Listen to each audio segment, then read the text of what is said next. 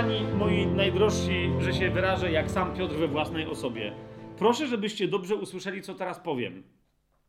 Otóż, drugą bardzo istotną cechą, może nawet najistotniejszą, kiedy postrzegamy Szymona Piotra, to jest, że to jest jeden jedyny w Nowym Przymierzu kompletnie i komplementarnie opisany prorok nowoprzymierzowy, a nie apostoł w pierwszej kolejności. Jak to przecież Szymon Piotr jest apostołem? Jest, bo Pan Jezus go powołał, ale zauważcie, zanim on się w pełni stał apostołem, który ma serce pasterskie, ma serce ojcowskie dla ludzi i tak dalej, to jest dopiero 21 rozdział Ewangelii Jana, to jest po zmartwychwstaniu Pana Jezusa. Gdy tymczasem Szymon Piotr ma wszelkie przejawy nowotestamentowego proroka, mamy dowody na to, że nim jest i jest przez Jezusa szkolony na proroka. Znacznie wcześniej, zanim wziął na siebie realne powołanie i zrozumienie tego, czym jest powołanie do bycia apostołem. Tak?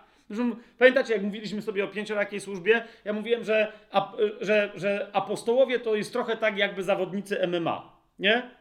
Ale teraz wiadomo, że MMA się dzieli zasadniczo na stójkę i na parter. Na punching, czyli na uderzanie i na grappling, czyli chwytanie, zakładanie dźwigni itd., tak itd., tak nie? I teraz zasadniczo punching ma dwie odmiany, czyli powiedzmy, że, że boks yy, tradycyjny uderzanie pięściami, albo też boks tajski, czyli, czyli muay thai, uderzanie rękami i nogami. To są dwa style podstawowe takie punchingowe, może karate i tak dalej, ale wiecie o co mi chodzi, tak? Uderzanie łapami, nogami i tak dalej, i tak dalej. Dwa style punchingowe i dwa style grapplingowe mamy, czyli zapasy, powiedziałbym tak ogólnie rzecz ujmując, brazylijskie jiu-jitsu, tak? Wiadomo, że jest wiele innych, ale za, załóżmy. Teraz dlaczego o tym gadam? Ponieważ jak wchodzi zawodnik MMA, on musi się znać na, na, wiecie, musi być dobry w stójce, powinien być w miarę, musi być dobry w parterze, musi się znać na grapplingu takim i innym, na punchingu takim i innym, ale zawsze, prawie zawsze się podaje takich zawodników, co? Tak zwany styl bazowy, nie?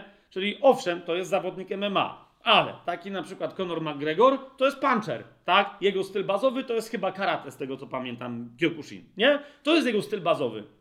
Inny wchodzi, jego styl bazowy co? To jest brazylijskie jiu-jitsu. Raczej on będzie sprowadzał walkę do parteru, nie będzie się boksował e, w stójce. I teraz, kochani, apostoł to jest zawodnik MMA, ale każdy apostoł ma jakiś rys charakterystyczny, a więc ma jakiś, że się tak wyrażę, styl bazowy, tak? Czyli apostoł, piąta służba, e, pokazuje ją najwyżej, ale ona jest najniżej, bo na fundamencie apostołów i proroków, tak? Ale każdy apostoł ma jakiś styl bazowy. Czy to styl e, punching, czyli prorok, czy to styl grappling, czyli nauczyciel. Tak? No i czy tam jaką, jak, jakieś odmiany, e, czyli pasterz, e, czy, który jest zawsze bardziej związany z nauczycielstwem, czy też ewangelista, który zawsze powinien być bardziej związany z prorokowaniem. Jasne? Otóż, kochani, jeżeli Paweł, jego styl bazowy jednak, mimo wszystko, to jest nauczyciel, bo my wiemy, że on miał objawienie. Zgadza się? Raz, drugi, trzeci był miał doświadczenie mistyczne i tak dalej, ale trafianie do nieba, spotykanie się z aniołami i tak dalej. Rozumiecie, to, to są rzeczy, y, y, cała ta rzeczywistość nadprzyrodzona, są rzeczy, do których powinniśmy mieć normalny dostęp jako chrześcijanie i mamy normalny dostęp. To nie jest nic dziwnego, tak? Ale zauważcie, Paweł jednak, chodząc bardzo mocno w duchu, w, we wszystkim, co nadprzyrodzone, jego, że tak powiem, styl bazowy usługi to jest nauczyciel. Tak, to jest nauczyciel. To jest intelektualista nauczyciel. To jest człowiek wykształcony w prawie, znający języki, znający Biblię i tak dalej, i tak dalej, i tak dalej. Szymon Piotr do końca mówi, e, Paweł jest mądry, nie ja. Jak czytacie jego listy, to one są bardzo mądre, ale takie mądre, że niektórzy z was mogą się na nich przewrócić, więc uważajcie, co u niego czytacie, bo one są tak mądre. Rozumiecie, o co mi idzie? Zatem, jeżeli mamy gdzieś reprezentanta apostoła, ale styl bazowy nauczyciel, to zdecydowanie jest to Paweł. Tak? Jak my normalnie do tej pory, jak sobie podawaliśmy przykład nowotestamentowych proroków, to mówiliśmy yy, Agabos, albo być może Barnaba, ale Agabos, tak? Ale kochani, ja sobie celowo zostawiałem Szymona Piotra. Dlaczego? Bo powiedzieć, Szymon Piotr był, był prorokiem i wszyscy powiedzą, nie no, to był apostoł, co ty to w ogóle gadasz? Jeszcze raz, Szymon Piotr Był prorokiem, jest prorokiem i nim pozostawał, dopóki żył na ziemi. To była jego fundamentalna postawa. Szymon Piotr jest prorokiem i jeżeli my od tej pory będziemy jakieś poważne dyskusje toczyć na temat prorokowania według Nowego Testamentu, musimy się odnieść do wszystkich doświadczeń Szymona Piotra. Ale teraz ja nie będę tego kompletnie i komplementarnie ja tu udowadniać. Niemniej, zobaczcie, że sam Pan Jezus mówi, że Szymon Piotr jest prorokiem i wiele znaków wokół jego sposób zachowania demonstruje nam wyraźnie, że on jest e, znacznie większym prorokiem niż największy z proroków Starego Testamentu, czyli Jan Chrzciciel i wszyscy tam pozostali. Zacznijmy od Ewangelii Mateusza, to jest 16 rozdział. Myśmy tam już byli, ale zauważcie, e, jak łatwo jest nam przeoczyć, kiedy akcentujemy inne tematy w tej scenie, że Jezus tam wyraźnie mówi, że Szymonie, jesteś na sposób nowotestamentowy prorokiem. To jest 16 rozdział, 16 i 17 werset. Jezus pyta, a wy za kogo mnie uważacie? Nie? E, oni tam odpowiadali, że ludzie uważają cię za kogoś i inni łykają te koncepcje. I Jezus powiedział, a wy za kogo mnie uważacie? Szymon Piotr odpowiedział, ty jesteś Chrystusem, Synem Boga Żywego. I teraz zwróćcie uwagę, co mówi Jezus. Wtedy Jezus powiedział do niego, błogosławiony jesteś Szymonie, synu bo nie objawiły ci tego ciało i krew. Zauważcie, Jezus ich trochę wypuszcza, bo mówi, co wy sądzicie? Czyli co wyście sobie uradzili? Bo ludzie tam sobie uradzili inne rzeczy, tak? Czternasty werset, zobaczcie. Jedni uważają cię za Jana Chrzciciela, inni za Eliasza, jeszcze inni za Jeremiasza albo za jednego z proroków. Jezus mówi, a wy co wyście wymyślili? Odpowiada mu Szymon Piotr, na co Jezus mu mówi, ty tego z nikim nie uradzałeś. Tylko co mu mówi? Nie objawiły ci tego ciało i krew, ale mój ojciec, który jest w niebie. Nie wiem, czy rozumiecie, co się dzieje. Po pierwsze, Jezus mówi, że ktoś otrzymał bezpośrednie objawienie od Boga Ojca. Kto w, Bi- kogo, kto w Biblii ma tego typu doświadczenia? Tylko i wyłącznie prorocy w Starym Testamencie. Zgodzicie się ze mną? Ale teraz to jest coś więcej niż prorok starotestamentowy. Czemu? Ponieważ oni wszyscy, włącznie z Janem Chrzcicielem, który, wiecie, zna Jezusa i nie wie, czy ma ostatecznie. On mówi, to jest baranek Boży, a potem przesyła uczniów i mówi, ale czy ty jesteś tym w końcu, czy nie? Bo ja, co tu jest grane? A ten mówi, nie, to jest Chrystus. Dokładnie ten jeden, jedyny, żadnego innego już więcej nie będzie, bo to jest On. Czy rozumiecie? I to jest, Jezus to wyraźnie stwierdza, otrzymałeś objawienie prorocze, nowotestamentowe, które ogłosiłeś wobec innych publicznie. Ok, to jest pierwsza scena, yy, która nam o tym mówi bardzo wyraźnie. Teraz zauważcie, druga scena, teraz was zaskoczę, yy, ale jedna z niewielu, w których, w których Paweł odwołuje się do swoich proroczych doświadczeń. On mówi: Ja mam Ewangelię taką, jaką mają wszyscy, ale mój sposób głoszenia, wiecie, jego sposób głoszenia Jezusa, łaska, wolność od prawa, ale też głoszenie tajemnicy Kościoła, tak? No, będąc już y, na wstępie do listów Piotra, chyba tu nie muszę tych wszystkich tematów, bo jesteśmy grubo, po, po, po grubo zrobionym Pawle, y, powtarzać, tak? Ale Paweł, my wiemy o tym, że to, co on nazywa tajemnicą Chrystusa lub tajemnicą Kościoła, Paweł mówi wyraźnie, że on to otrzymał bezpośrednio od Jezusa. Tak? No teraz zobaczcie, gdzie on między innymi o tym mówi i w jakim kontekście. No, no przede wszystkim, bo tak to raczej się z tym kryje, ale wprost mówi o tym w liście do Galacjan w pierwszym rozdziale.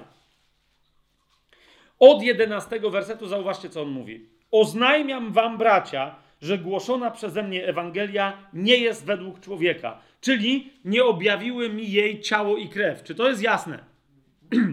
nie otrzymałem jej bowiem, ani nie nauczyłem się jej od człowieka, ale przez objawienie Jezusa Chrystusa. Widzicie to? Per analogiam. Czyli y, on ma to samo, co miał grubo przed nim Szymon Piotr, co mu Jezus powiedział, nie objawiły ci tego ciało i krew. Tak? Słyszeliście bowiem o moim dawniejszym postępowaniu i tak dalej, i tak dalej. 15 werset. Lecz gdy upodobało się Bogu, który mnie odłączył w łonie mojej matki i powołał swoją łaską, aby objawić swojego syna we mnie, abym głosił go wśród pogan, zwróćcie uwagę, jakim językiem nadal w Duchu Świętym posługuje się Paweł. Natychmiast, nadal, nie radząc się ciała i krwi, ani nie udając się do Jerozolimy, do tych, którzy byli przede mną apostołami, poszedłem do Arabii, po czym znowu wróciłem do Damaszku. Na razie tu się zatrzymajmy. Nie wiem, czy widzicie, on mówi, nie radziłem się ciała i krwi, tak jak Jezus powiedział Szymonowi, ja wiem, że nie objawiły ci tego ciało i krew. Nie?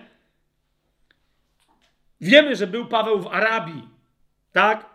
Wie, wiele sobie o tym mówiliśmy. On tam przyjął potężne objawienia, o którym prawdopodobnie mówi na przykład w drugim liście do Koryntian, że zna człowieka, który 12 lat temu był, pamiętacie, porwany do trzeciego nieba i tak dalej. Okej. Okay. Ale popatrzcie, kiedy on już był pewny swojego objawienia, zauważcie, co się dzieje. Do kogo poszedł? Nie po to, żeby się go zapytać, czy ma dobre objawienie, ale żeby w nim rozpoznał, mając to samo doświadczenie, że on ma takie samo doświadczenie. Zobaczcie, osiemnasty werset. Potem, trzy lata później, udałem się do Jerozolimy, aby zobaczyć się z Piotrem, u którego przebywałem 15 dni. I to rozumiecie, bo niektórzy zawsze pamiętają, że jest drugi rozdział, w którym jest napisane e, w dziewiątym wersecie, gdy poznali daną mi łaskę, Jakub, Kefas i Jan, którzy są uważani za filary, podali mnie i Barnabie prawicę. Owszem, ale to było, zobaczcie, drugi rozdział, pierwszy werset, po 14 latach ponownie udał się do Jerozolimy. Rozumiecie, o co mi chodzi? Więc oni wtedy już im łaski nie zrobili, poza tym on wtedy przyszedł z Barnabą, tak? Wtedy się spotkał z Jakubem, ale wiecie, z tym, który napisał list, czyli z szefem Jerozolimy, a nie z Jakubem apostołem, z Kefasem i Janem, tak? Wtedy się, i oni, oni im podali prawicę, dobrze robicie, to jak głosicie poganom, ale zauważcie, spotkał się z samym Piotrem, u którego przebywałem 15 dni, po trzy, trzy lata chodząc w tym swoim objawieniu i zobaczcie 19 werset, a spośród apostołów wtedy nie widziałem żadnego innego poza Widziałem się, owszem, ale z Jakubem, bratem Pana, ale to nie był apostoł. Tak? Więc e, zobaczcie, Paweł w swoim późniejszym doświadczeniu, Duch Święty każe mu opisać to jego doświadczenie językiem, którym Jezus opisał najpierw doświadczenie Szymona Piotra. Prorocze doświadczenie. Czy to jest jasne? Ale nie poprzestaniemy tylko na tym, tylko tu wam pokazuję pewną analogię. Zobaczcie, jak już po wniebowstąpieniu Pana Jezusa. To jest jedna, jedna z niewielu takich wycieczek nieco do przodu. Więcej o tym będziemy mówić w przyszłości. Ale pokażcie mi innego, włącznie z Pawłem. Pokażcie mi porównywalną scenę. Ok? W całym Nowym Testamencie. Pokażcie mi, po, oprócz Pana Jezusa, kogoś, kto, miałby, kto byłby równie mocno pokazany, kiedy już jest świadomym apostołem, jako apostoł, prorok. Pokażcie mi inną osobę. Zobaczcie dziesiąty rozdział dziejów apostolskich. Od dziewiątego e, e, wersetu, powiedzmy, że to jest werset 9b, tak? bo to jest druga część. Około godziny szóstej Piotr wszedł na dach, aby się modlić. Widzicie to? No to jeszcze cały czas pokażecie mi innych, którzy też niekoniecznie na dachu, ale się modlili, tak? A będąc głodnym, chciał coś zjeść. Gdy więc przygotowywano mu posiłek, on wpadł w zachwycenie. Widzicie to? To już pomijam, że to jest standard e, proroków widzących w Starym Testamencie. Wpadanie w trans, w to, co tu jest nazwane zachwyceniem. Zobaczył otwarte niebo i zstępujący na niego jakiś przedmiot podobny do wielkiego płótna, związany ze sobą czterema końcami i spuszczany ku ziemi. I tam na, na nim zobaczył zwierzęta, usłyszał głos, który powiedział jedz, zabijaj i jedz. No nie będziemy teraz to wchodzić, bo to, ale rozumiecie, tu macie przykład, podajcie mi inny, inny równie mocny przykład, rozumiecie, szczegółowej historii proroka nowotestamentowego. Jak otrzymał, że przyjdzie głód na całą ziemię informację proroka Gabos? Nie wiemy, on tylko przyszedł z tą informacją. A tu mamy opis, Szymon Piotr był prorokiem i to prorokiem widzącym, który wpadał w zachwycenie, wpadał w trans, widział otwarte niebo. Ok? Dalej, zobaczcie, w ramach tego samego wydarzenia 17 e, werset. Piotr zastanawiał się, co ma oznaczać widzenie. Widzicie, to jest, to, jest, to jest prorok widzący. On nie od razu ma interpretację, wtedy się pyta Pana, mówi, co to znaczy. Ok? Oto mężczyźni wysłani przez Korneliusza, dopytawszy się o dom Szymona, stanęli przed jego bramą. I zawołali, pytając, czy tam przebywa Szymon zwany Piotrem. A gdy Piotr rozmyślał o tym widzeniu, powiedział do niego duch: Szukają cię trzej mężczyźni. Zobaczcie, co się dalej dzieje. Nie? To jest nowotestamentowy prorok. Ma wizję, w ramach której dopiero musi zrozumieć, co ona oznacza, w której są symbole pewne, bo tam nie chodzi o dietę, rozumiecie, o, o przepisy rytualne mojżeszowe, co jest koszerne, a co nie jest koszerne. W tej wizji chodziło o to, co ma zrobić Szymon Piotr, kiedy pójdzie do nieczystych pogan, bo oni właśnie po niego wzywają. Ale tu mamy, rozumiecie, tu mamy konkretnie duch mówi do niego słyszalnie. On nie słyszy tych gości, którzy się pytają, czym to jest dom, bo on jest w innym miejscu, tak? Na dachu, ale to jest inne miejsce, gdzie on tego nie słyszy, ale duch mu mówi: przyszli po ciebie. Szukają cię trzej mężczyźni, dlatego wstań, zejdź i idź z nimi bez wahania, bo ja ich posłałem. Wtedy Piotr zszedł do mężczyzn, którzy zostali do niego posłani przez Korneliusza i powiedział: Zauważcie, rozumiecie, oni się pytają, kto to jest Szymon Piotr. A tu przychodzi gość, który nie bierze udziału w całej tej, tej rozmowie, nie wie o co się oni pytają, tylko nagle wchodzi na nich i mówi: e, Ja jestem tym, którego szukacie. Z jakiego powodu przyszliście? Klasyczne, wręcz starotestamentowe spotkanie, rozumiecie, z wielkim mężem Bożym, prorokiem. Widzicie to? Dalej. Yy, jeszcze jedną scenę tylko z, z, tych dziejów apostolskich, żebyście zobaczyli, że to, co tu już jest dojrzałe proroczo u Piotra, że, że on się tego uczył od Jezusa wcześniej, a Jezus, że go szkolił na proroka. Zobaczcie, dzieje apostolskie, dziewiąty rozdział. Tam mamy historię uczennicy o imieniu yy, Tabita, czy też Dorcas, która umarła. Pamiętacie to, nie?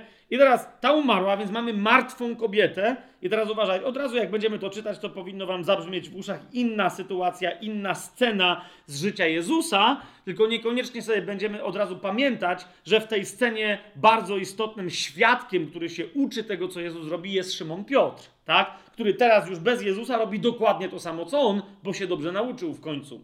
Więc to jest dziewiąty rozdział dziejów apostolskich posłali tam po Piotra, 39 werset, obstąpiły go wszystkie wdowy, płacząc i pokazując tuniki i płaszcze, które Dorcas im robiła, gdy była z nimi. I teraz chodzi o to, że no oni go wezwali, no bo umarła, ale jeszcze by się przydało, żeby żyła. No nie wiemy, co tam się wydarzyło. I teraz popatrzcie, e, e, wzorzec działania e, Piotra. Wtedy Piotr wstał i poszedł z nimi, a gdy przyszedł, wprowadzili go do sali, przepraszam, 40 werset, a Piotr wygonił wszystkich, to jest pierwsze, klęknął i modlił się. Potem zwrócił się do zmarłej i powiedział: Tabito, wstań! A ona otworzyła oczy i zobaczywszy Piotra, usiadła. On podał jej rękę i podniósł ją, a zawoławszy świętych i wdowy, pokazał ją żywą. Ok? Krótki opis. Krótki opis, ale co jest dla nas istotne? Otwórzmy sobie Ewangelię Łukasza, ósmy rozdział. Chociaż to jest, wiecie, to jest typowe postępowanie proroka na wzór Eliasza czy Elizeusza. Tak? Zostaje sam z trupem, wyprowadza już nie trupa, ale żywą, yy, żywą osobę. Ale on tego nie robi jak Eliasz czy Elizeusz. On to robi jak? Ósmy rozdział Ewangelii yy, Łukasza w 40 yy, piątym e, wersecie czytamy, że Jezus już idzie do córki Jaira, e, dziewczynki dwunastoletniej, która zmarła. Ale po drodze cisną się na niego ludzie e, i między innymi dotyka go kobieta chora na krwotok od 12 lat. Tak? Patrzcie, co się dzieje. 45 werset. Ona się go dotknęła od tyłu. W 45 wersecie Jezus zapytał, kto mnie dotknął. A gdy wszyscy się wypierali, zwróćcie uwagę, ewangelista Łukasz nie bez kozery zwraca naszą uwagę na, na tego jednego człowieka. Piotr i inni, którzy z nim byli, powiedzieli: Mistrzu, ludzie cię do, się do ciebie cisną i tłoczą, a ty się pytasz, kto cię dotknął. Domyślę, to jest trochę głupie pytanie, bo wszyscy cię dotykają. Nie? Teraz, dlaczego to jest istotne, żeby zaznaczyć tutaj Piotra? Bo on tu się nauczył nowego dotyku. Jak można się dotknąć kogoś, z kogo wychodzi moc, i jak ktoś, kto chodzi pod mocą, może działać tą mocą, nawet kiedy świadom nie jest tego świadom. Nie? Tu masz Piotra, który się trochę nabija z Jezusa, mówiąc: Co się pytasz, kto cię dotknął? Masa ludzi cię dotknęła, bo się wszyscy na ciebie pchają. Jezus jednak powiedział: Ktoś mnie dotknął, w takim sensie, że poczułem, iż moc wyszła ze mnie. No i tam się ta kobieta zadrżała, okazało się, że jest uzdrowiona. I teraz dalsza część, bo już Piotr wtedy zrozumiał, że kolejny raz głupio się odezwał do mistrza, cwaniakując, a nie rozumiejąc, co się dzieje. Ale popatrzcie, zamiast go zganić i go teraz ustawić z pierwszego na ostatniego, co się stało? 51 werset.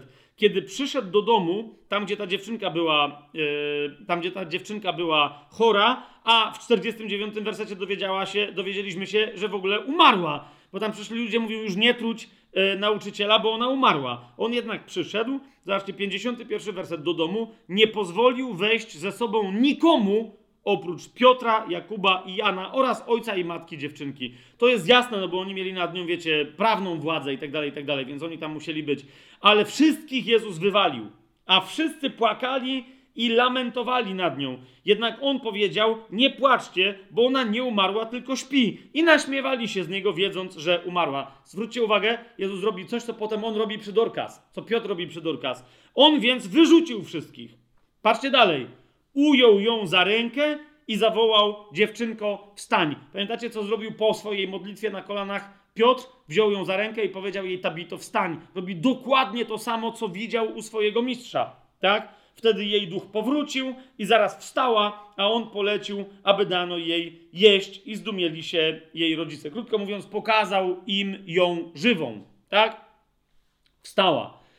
Teraz jak, gdzie w innych miejscach widzimy, jak Jezus szkoli e, Piotra na e, proroka i e, w których momentach sam Piotr przyznaje, że to było prorocze szkolenie lub prorocze, lub doświadczenie prorocze. Ewangelia Mateu, Marka, ja tylko, wiecie, po prostu parę przykładów wam podam, a resztę niech to będzie zadanie domowe do osobistego studium, żebyście sobie odkryli, zwłaszcza ci, którzy uważają, że są powołani e, proroczo, e, do służby proroczej, jeżeli ludzie powołani dzisiaj w kościele, czy kiedykolwiek w kościele, nie znają odpowiednio dobrze postaci Szymona, Szymona Piotra, moja teza jest taka, że nie mogą dobrze usługiwać jako prorocy. I wcześniej czy później popadną w ten, w ten sam rodzaj pychy, którą miał Szymon Piotr, myśląc, że idą za Panem.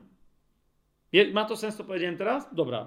Otóż, zobaczcie, dziewiąty rozdział E, Ewangelii Marka, to jest dziesiąty, dziewiąty rozdział Ewangelii Marka. Inny przykład. Swoją drogą, e, e, moja teza jest też taka, że oprócz Piotra prorokiem był także Jan, ale to jest dość oczywiste, no bo apokalipsa Jana, ale również brat Jana, Jakub. Zauważcie, Jezus ich nazwał Boanerges i potem ich dwóch widzimy, kiedy chcą wykonać e, proroczy znak, na sposób starotestamentowy, czyli wezwać ogień z nieba, tak jak Eliasz, żeby spadł na ziemię, w tym wypadku, żeby zniszczył, e, tudzież tak jak on spadł, nie na wezwanie konkretnych ludzi, ale żeby spadł na Sodomę i Gomorę na przykład, no nie? Ale to jest, gdyby to, ten ogień spadł na wezwanie człowieka, tak jak to zrobił Eliasz, to wtedy ogień, no też zresztą zniszczył ludzi, bo tam popalił wtedy tych wszystkich e, proroków e, fałszywych, tak?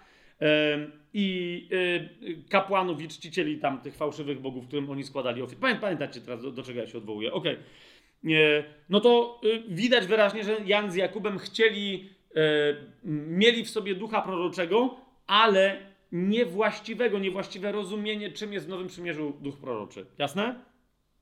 Więc Jezus tych trzech de facto proroków w moim rozumieniu zawsze wybiera i tworzy pewien, tu jeszcze nawiasem mówiąc, jest jeszcze inny temat związany z Piotrem, ale w ogóle z tą trójką, mianowicie, czy rzeczywiście w kościele e, nie, nie ma ekskluzywizmu. Nie? Są tacy, którzy mówią, w kościele nie powinno być żadnego ekskluzywizmu, wszyscy jesteśmy równi, wszyscy i tak W sensie godności jak najbardziej, ale rozumiecie, ja chcę mieć kościół według wizji Jezusa. W wizji Jezusa Jezus miał 70 uczniów, z nich e, bliżsi mu byli, e, było 12, z nich jeszcze bliższych było mu trzech. Czy to jest jasne? To nie jest ekskluzywizm? Ewidentny ekskluzywizm. W kościele powinniśmy mieć ekskluzywizm, ale uważajcie, oparty tylko i wyłącznie na decyzjach Jezusa. Jakaś grupa jest zamknięta, współpracuje i tak dalej. Nie dlatego, że oni tworzą swoją klikę, ponieważ to jest absolutnie zboczony światowy ekskluzywizm i perwersja, ale masz ludzi, którzy są zgromadzeni przez Jezusa wokół dzieła, wokół służby, wokół rozumiecie, wykonania konkretnej misji, i, I tyle. I wtedy ludzie, którzy chcą tam, chcą tam się, rozumiecie, wrąbać do środka, bo, bo oni też by chcieli wziąć udział w czymś fajnym, ale Jezus ich tam nie powołuje, muszą się zderzyć, jeżeli ci ludzie, którzy są powołani do takiej mniejszej grupy, mają świadomość tego, do czego i że właśnie ich Jezus powołuje, po prostu muszą ze spokojem tamtych ludzi odrzucić dla ich własnego dobra. I dla dobra tej misji, którą mają do wykonania. Zauważcie, czy inni nie chcieli się przyłączyć do tych trzech, jak Jezus szedł do y, wskrzeszać córkę Jaira? Pewnie chcieli, ale Jezus wyraźnie wybrał tylko tych trzech. Tu mamy inną scenę, w ramach której znowu tych trzech Jezus wybiera. Zobaczcie, to jest dziewiąty rozdział, drugi werset. Po sześciu dniach Jezus wziął ze sobą Piotra, Jakuba i Jana i wprowadził ich samych na wysoką górę, żeby byli na osobności i przemienił się wobec nich lub też przed nimi. Jego szaty stały się lśniące i bardzo białe, jak śnieg, jak żaden folusznik na ziemi nie potrafi wybielić. I ukazał się im Eliasz z Mojżeszem, który, którzy rozmawiali z Jezusem. Wtedy Piotr powiedział do Jezusa: Mistrzu, dobrze nam tu być, postawmy więc trzy namioty: jeden dla ciebie, jeden dla Mojżesza i jeden dla Eliasza. Nie wiedział bowiem, co ma powiedzieć, gdyż byli przestraszeni. No to ale reszta ze strachu się nie odzywała, a Szymon się odezwał. Tak? Że gadał głupoty z wielu różnych przyczyn, ponieważ prawda jest taka, że to nie Eliasz e, z Mojżeszem zeszli z nieba na ziemię, tylko Jezus otworzył im oczy na jego rzeczywistość niebieską i mieli wizję tego, co się dzieje w niebie. Czy to jest jasne? I dlatego Marek wyraźnie zasugerował, ale ewidentnie Piotr mu to podpowiedział. Zobaczcie, czyja to jest Ewangelia. Tak? Że on gadał głupoty wtedy, bo on myślał, że oni stoją tu na ziemi i oni już zeszli i tu będą działać. Nie? Nawet nie pomyślał, że dobra, Eliasz może ma wrócić na ziemię, ale Mojżesz przecież umarł. To co by tu miał robić jakiś zmarły człowiek na ziemi? Tak? Teraz dlaczego ja się odwołuję do tego? No bo raz widzimy, że Jezus ich szkoli, ale kochani, że to doświadczenie dopiero później Piotr zrozumiał, że było proroczym doświadczeniem dla niego i że Jezus w ten sposób uczył ich, jak mieć wizję, jak je interpretować i tak dalej, to przeczytamy bardzo wyraźnie w liście Piotra drugim. Jak go sobie otworzymy, to zobaczcie drugi list Piotra w pierwszym rozdziale, w 17 wersecie dokładnie o tej scenie pisze Piotr w następujący sposób.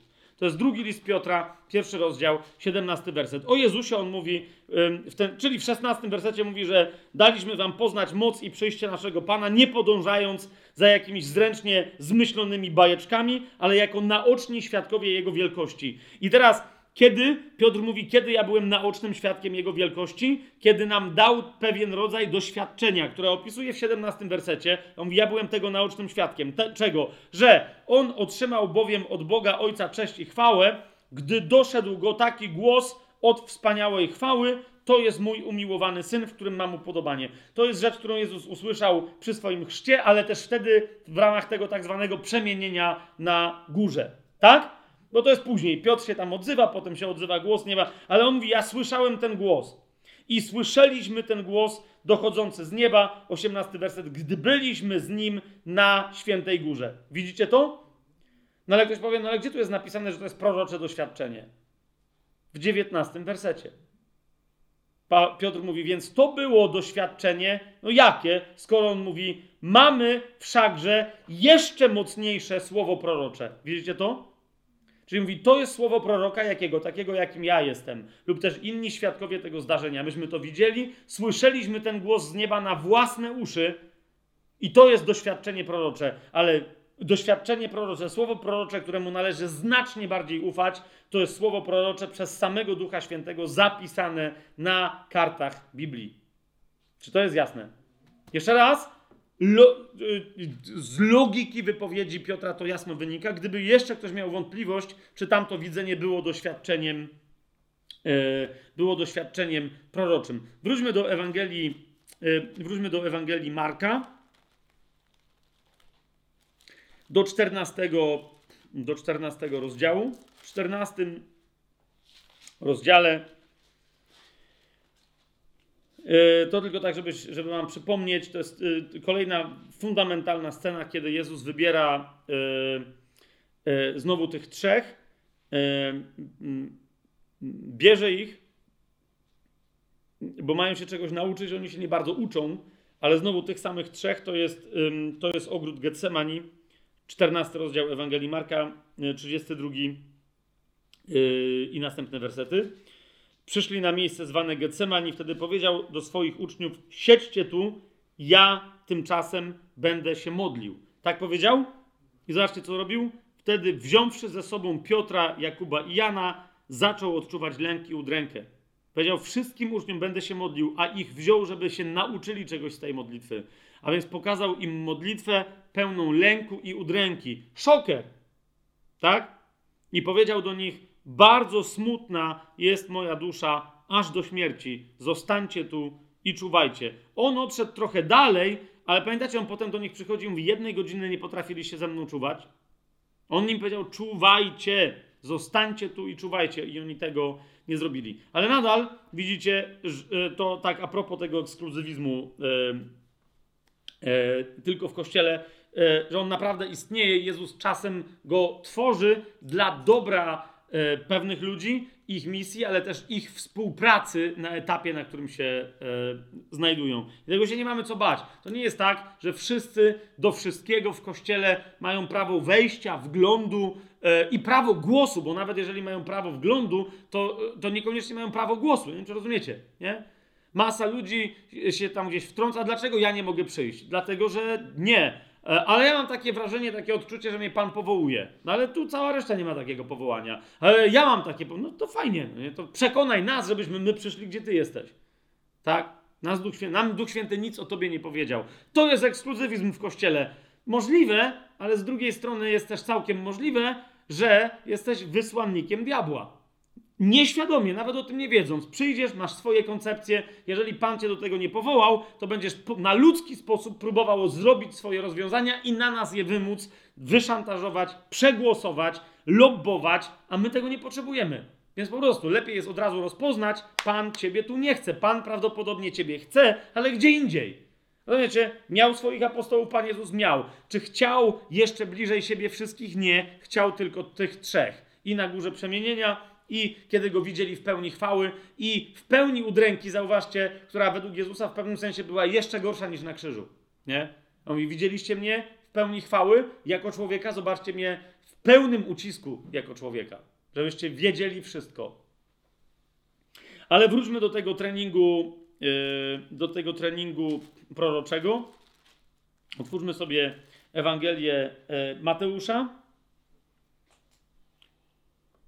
I w tej Ewangelii Mateusz, rozumiecie, yy, o jednej rzeczy teraz chcę, yy, chcę powiedzieć, mianowicie, że prorocy w Nowym Testamencie nie tylko są tymi, którzy wykonują wyjątkowe cuda, ale którym towarzyszą niesamowite znaki. I teraz za, zauważcie, nie ma drugiej takiej osoby w otoczeniu Jezusa, która, której by towarzyszyły tak dziwne znaki i cuda, nawet samego Jezusa, jak Szymon Piotr. Nie? E, jak wam tu mówię o sytuacjach, do których Jezus zaprasza trójkę, i niektórzy mówią, no tak, i potem jeszcze była taka szczególna przyjaźń Pana Jezusa z Janem. Owszem, ale ja nie wiem, czy Jezus był bardziej zaprzyjaźniony, kiedy mówimy o pojedynczych relacjach z Jezusem czy z Szymonem Piotrem. Bo niektórzy mówią, no ale on leżał Panu Jezusowi na piersi. Zgadza się, ale sceny takiej, jaką znajdujemy w 17 rozdziale Ewangelii Mateusza, nie ma nikt z Jezusem, tylko Szymon Piotr. Zobaczcie, co się tu wyprawia. 24 werset i dalej. A gdy przyszli do Kafarnaum, czyli wrócili do domu, tak? I Jezus, i Szymon Piotr, bo oni w tym momencie się przenieśli i administracyjnie należeli do Kafarnaum. Jasne? A gdy przyszli do Kafarnaum, podeszli do Piotra poborcy podatkowi i zapytali, czy wasz nauczyciel nie płaci podatku? A on odpowiedział, płaci. E, to tak a propos, e, y, to tak a propos niektórych chrześcijan, którzy mówią, że ponieważ nie wolno kłamać, to jak ktoś ci zadaje pytanie o brata czy o siostrę, to zawsze musisz mówić prawdę, nie? Albo musisz powiedzieć, że nie mogę ci powiedzieć. Nie wiem jak wy, ale ewidentnie Szymon Piotr tutaj, żeby ci się odwalili skutecznie, ewidentnie kłamie. I nie ma grzechu, żebyśmy mieli tutaj, żebyśmy nie mieli żadnych wątpliwości. Tak? Teraz jak e, miałyby rozgorzeć pod, ty, po tej mojej wypowiedzi, gadać 5 godzin, a potem jedno zdanie i rozgorzeją, wiecie, komentarze, od razu tłumaczę, e, coś jest albo nie jest w Biblii etycznie złe, nie ze względu na przepis odgórny, ale ze względu na motywację tego, który działa. Ok? Na przykład, w Biblii samobójstwo jest czymś tak nie do pomyślenia, że jest nawet niespecjalnie rozważane, żeby ktoś miał coś takiego robić, ale jest pokazywane jako złe, ponieważ mamy samobójców w Biblii, tak? Niemniej zauważcie, że mamy jednego samobójcę, który nie jest nazywany samobójcą, a jego śmierć jest pokazana jako czyn chwalebny, na przykład Samsona, okay? który wiedział, że zginie, ale jego celem nie było się zabić, lecz zabić Filistynów. Rozumiecie o, co mi chodzi? To był jego cel. Teraz y, miałem taką rozmowę kiedyś y, z jednym człowiekiem, który mi powiedział, że on by nie mógł być ochroniarzem, bo jest chrześcijaninem. Mówię, no, no chyba jest dobrze, będąc chrześcijaninem, chronić czyjeś życie, nie? Chyba, że tam masz problem, żebyś kogoś zabił, nie? I on mówi, no to też, ale mam też problem, że no, ktoś może strzelać, bo tam chodziło o ochranianie polityków, to ktoś może do niego strzelać, ja wtedy moim obowiązkiem jest go zasłonić. A ja nie chcę być samobójcą. Nie wiem, czy rozumiecie to. To, że ty wykonujesz działanie, w ramach którego zginiesz, rozumiesz, nie jest samobójstwem, jeżeli celem twojego działania nie jest samobójstwo. Czy to jest jasne? Co, co rozumiecie? To jest to, to, to, że ty skutkiem twojego działania, którym jest ochrona czyjegoś życia, jest to, że no prawdopodobnie zginiesz lub z całą pewnością zginiesz. Tak? Tak jak jeden jezuita, o którym wiele, wiele lat temu słyszałem, kleryk jezuicki, który jakąś tam lekcję religii prowadził w muzułmańskim kraju e, i ktoś po prostu przez okno wrzucił granat odbezpieczony, o którym nie było wiadomo, czy to jest zabawka, czy co, ale ten odruchowo, ponieważ tam była grupka dzieci katolickich, rzecz jasna, ale żeby je osłonić, rzucił się na ten granat. I okazało się, że to był prawdziwy granat i ten granat wybuchł i go zabił, tak? Ale on wziął całe uderzenie, e, że tak powiem, w siebie, w brzuch. Nie? Także poszło uderzenie po podłodze, tam były dwie, czy dwójka czy trójka, niektóre dzieci bliżej siedzące miały lekko poranione nogi, ale wszystkie przeżyły, tylko on zginął. Nie? I rozumiecie, że tak samo tam się wtedy odbyło rozważanie, czy on poszedł do nieba, no katolickie rozważanie, no bo on się przecież zabił. Tak, no bo on po prostu przyszedł na lekcję religii z postanowieniem, żeby się zabić na oczach dzieci. No rozumiecie, co jest grane? Na litość boską. Na litość boską. Musimy mieć to, to zrozumienie. To jest dokładnie tak samo, jak wiecie, może mieć dylemat moralny żołnierz, kiedy walczy, czy ma zabijać, czy nie, kiedy bierze udział, w, e, bo wtedy to jest bardzo poważny dylemat moralny, bierze, udział e, w okupacyjnych działaniach, e, inwazyjnych, w ramach wojny, która jest absolutnie wo, wojną kompletnie niesprawiedliwą. Wiesz o co mi chodzi, tak? Ale w momencie, kiedy chrześcijanie biorą za broń, żeby bronić oni przecież, rozumiecie, ktoś przychodzi do twojej. Teraz to jest kolejna dy dywagacja przy okazji teraz tego, że tutaj Piotr nie powiedział prawdy, e, lub też wprost powiedział nieprawdę na temat Jezusa, tak? Że on płaci podatki, bo Jezus nie płacił. E, e, w każdym razie świątynnego podatku, e, bo tu o taki e, najprawdopodobniej chodziło, nie płacił. I teraz niektórzy mówią, że no ale przecież my jako, nam jako chrześcijanom nie wolno zabijać. I mówię, amen, to jest prawda. Więc jeżeli ktoś przychodzi do mnie i wystawia e, pistolet i mówi zrób to czy tamto, bo jak nie, to cię zabije. no nie, zabijaj. Ale rozumiesz, weźmy pod uwagę inne zagadnienie, tak? Ja jeden z jakiegoś powodu mam broń.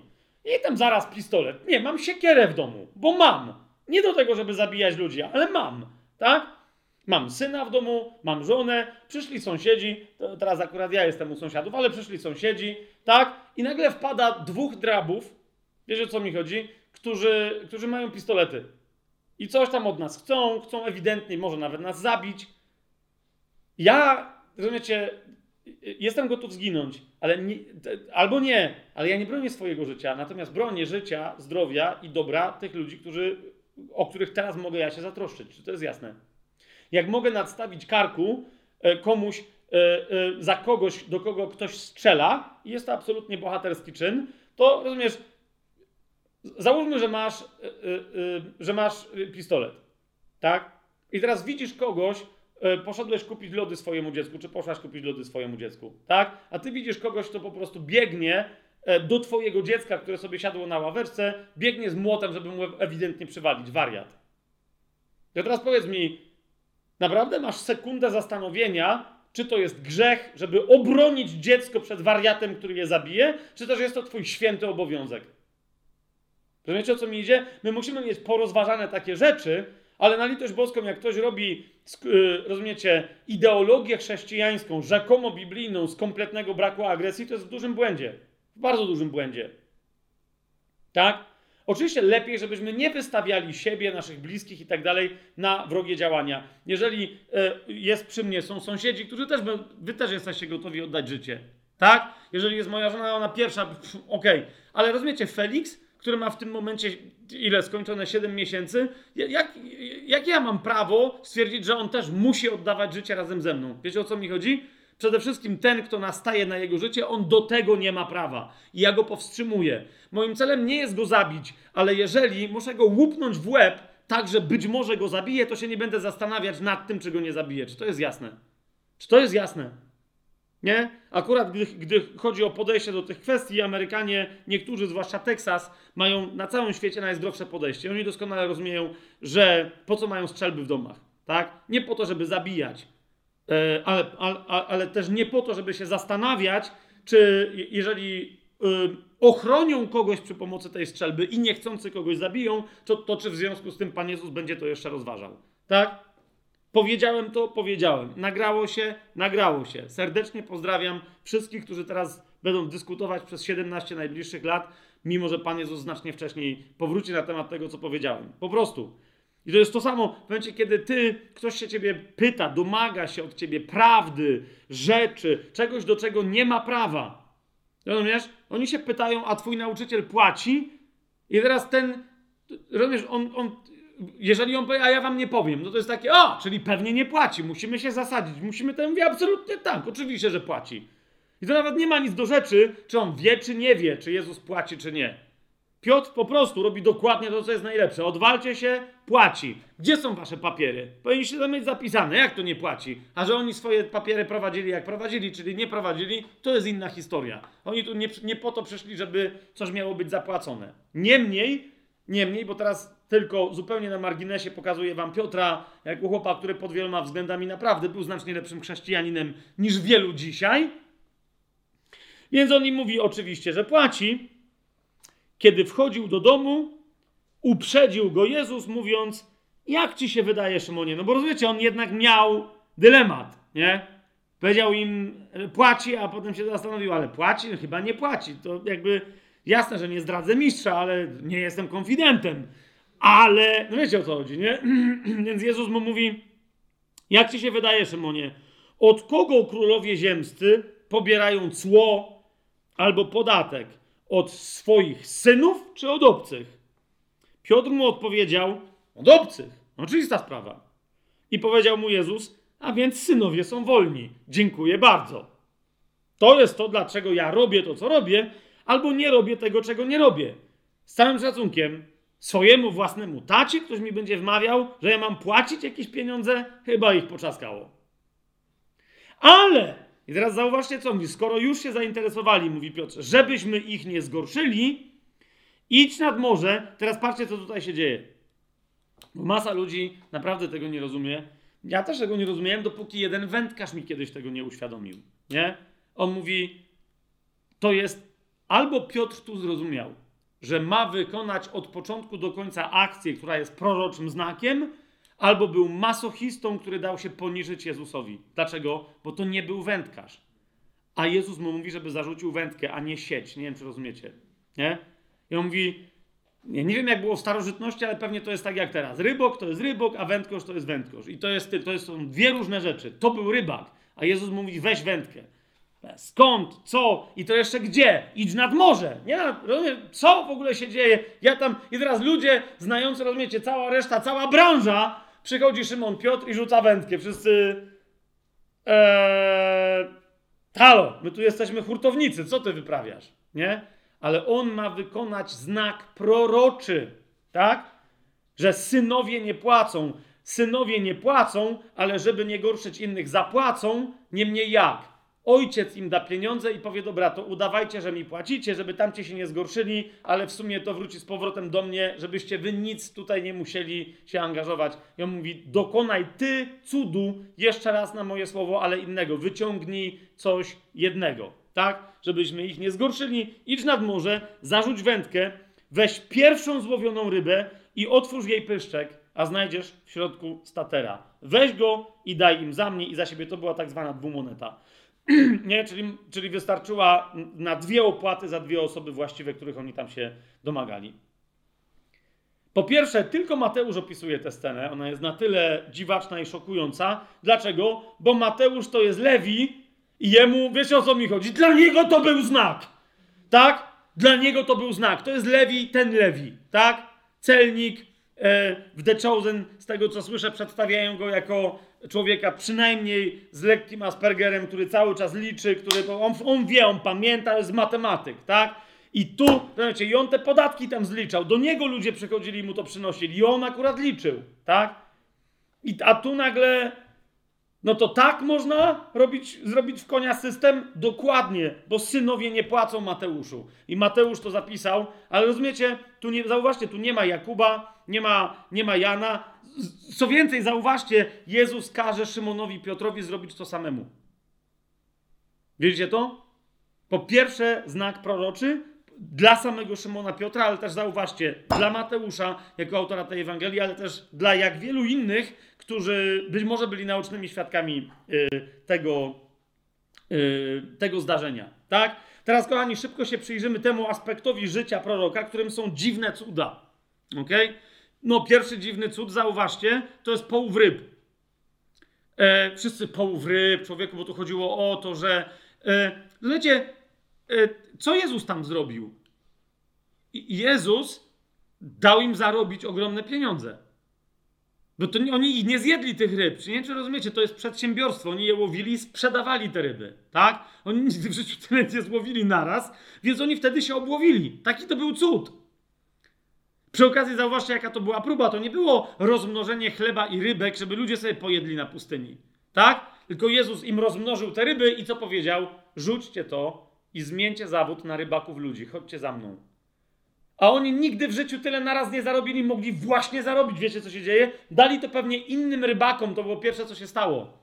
Zaraz, jeżeli ten gościu potrafi w samo południe, kiedy woda jest najgorętsza, zrobić taki połów, to co tu się w ogóle. Ej, to, to jest w ogóle ciekawsze, co ten chłop robi, niż to, co my tu robiliśmy, bo my drugi raz tak nie złowimy. To był cud.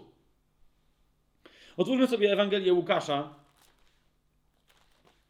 E, czwarty rozdział. Ewangelia Łukasza, e, czwarty rozdział.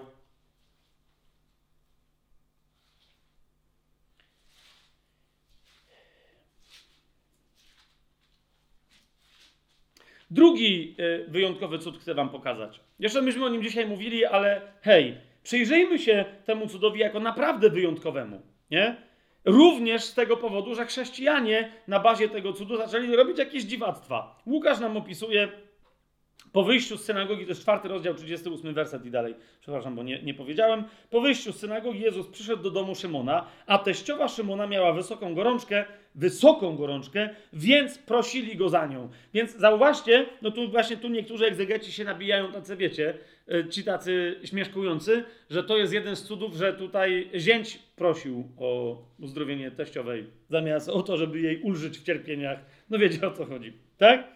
Więc e, teściowa Szymona miała wysoką gorączkę, prosili go za nią. Wtedy on, stanąwszy nad nią, co zrobił? Zgromił gorączkę, a ta ją opuściła. Zaraz też wstała i usługiwała im. Mamy to? No i teraz, no na czym polega? No to jest normalne, tak? Stajesz w imieniu Jezusa Chrystusa gorączką, nakazuje ci usuń się z tego ciała. Nie, no to jest dokładnie to, co Jezus zrobił, tylko no nie w imieniu Jezusa, tylko jej nakazał się usunąć, prawda? Otwórzmy sobie Ewangelię Marka. W Ewangelii Marka ten, że sam cud jest opisany w pierwszym rozdziale. I teraz zobaczcie, jak, jak wygląda gromienie i co miał na myśli Łukasz mówiąc gromienie. On nie miał tego na myśli, co większość ludzi ma na myśli. Miał na myśli to samo, co wszyscy w kościele, a więc dlatego jeszcze raz powtarzam, musimy czytać teksty równoległe. Jak wyglądało gromienie u Jezusa? To jest pierwszy rozdział, 30 werset i dalej. A teściowa Szymona leżała w, gorąc, w gorączce. Od razu też powiedzieli mu oni, czyli prosili o tak. To była tak wysoka gorączka, że ona nie była w stanie się podnieść. I teraz zobaczcie, jak wyglądało zgromienie gorączki. Podszedł więc do niej, to jest 31 werset. Podszedł więc i podniósł ją, ująwszy za rękę, i natychmiast opuściła ją gorączka, a ona usługiwała im. Widzicie? Jak nagle wyraz gromić się zmienia jak, jak się gromi w imieniu Jezusa? Tak. Patrz. Tak, tak się gromi. Ja, ja teraz gromię e, kubek z herbatą. Patrz. Właśnie go zgromiłem. Podniosłem go ze stołu, teraz się napiję. Mmm, jaka dobra herbata. Dzięki, Gosia. Wi- Widzicie, o co mi chodzi?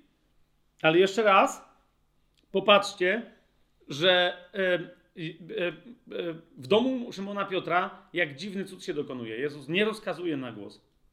Gromienie polega na tym, że bierze delikatnie nieprzytomną kobietę za rękę. Nie?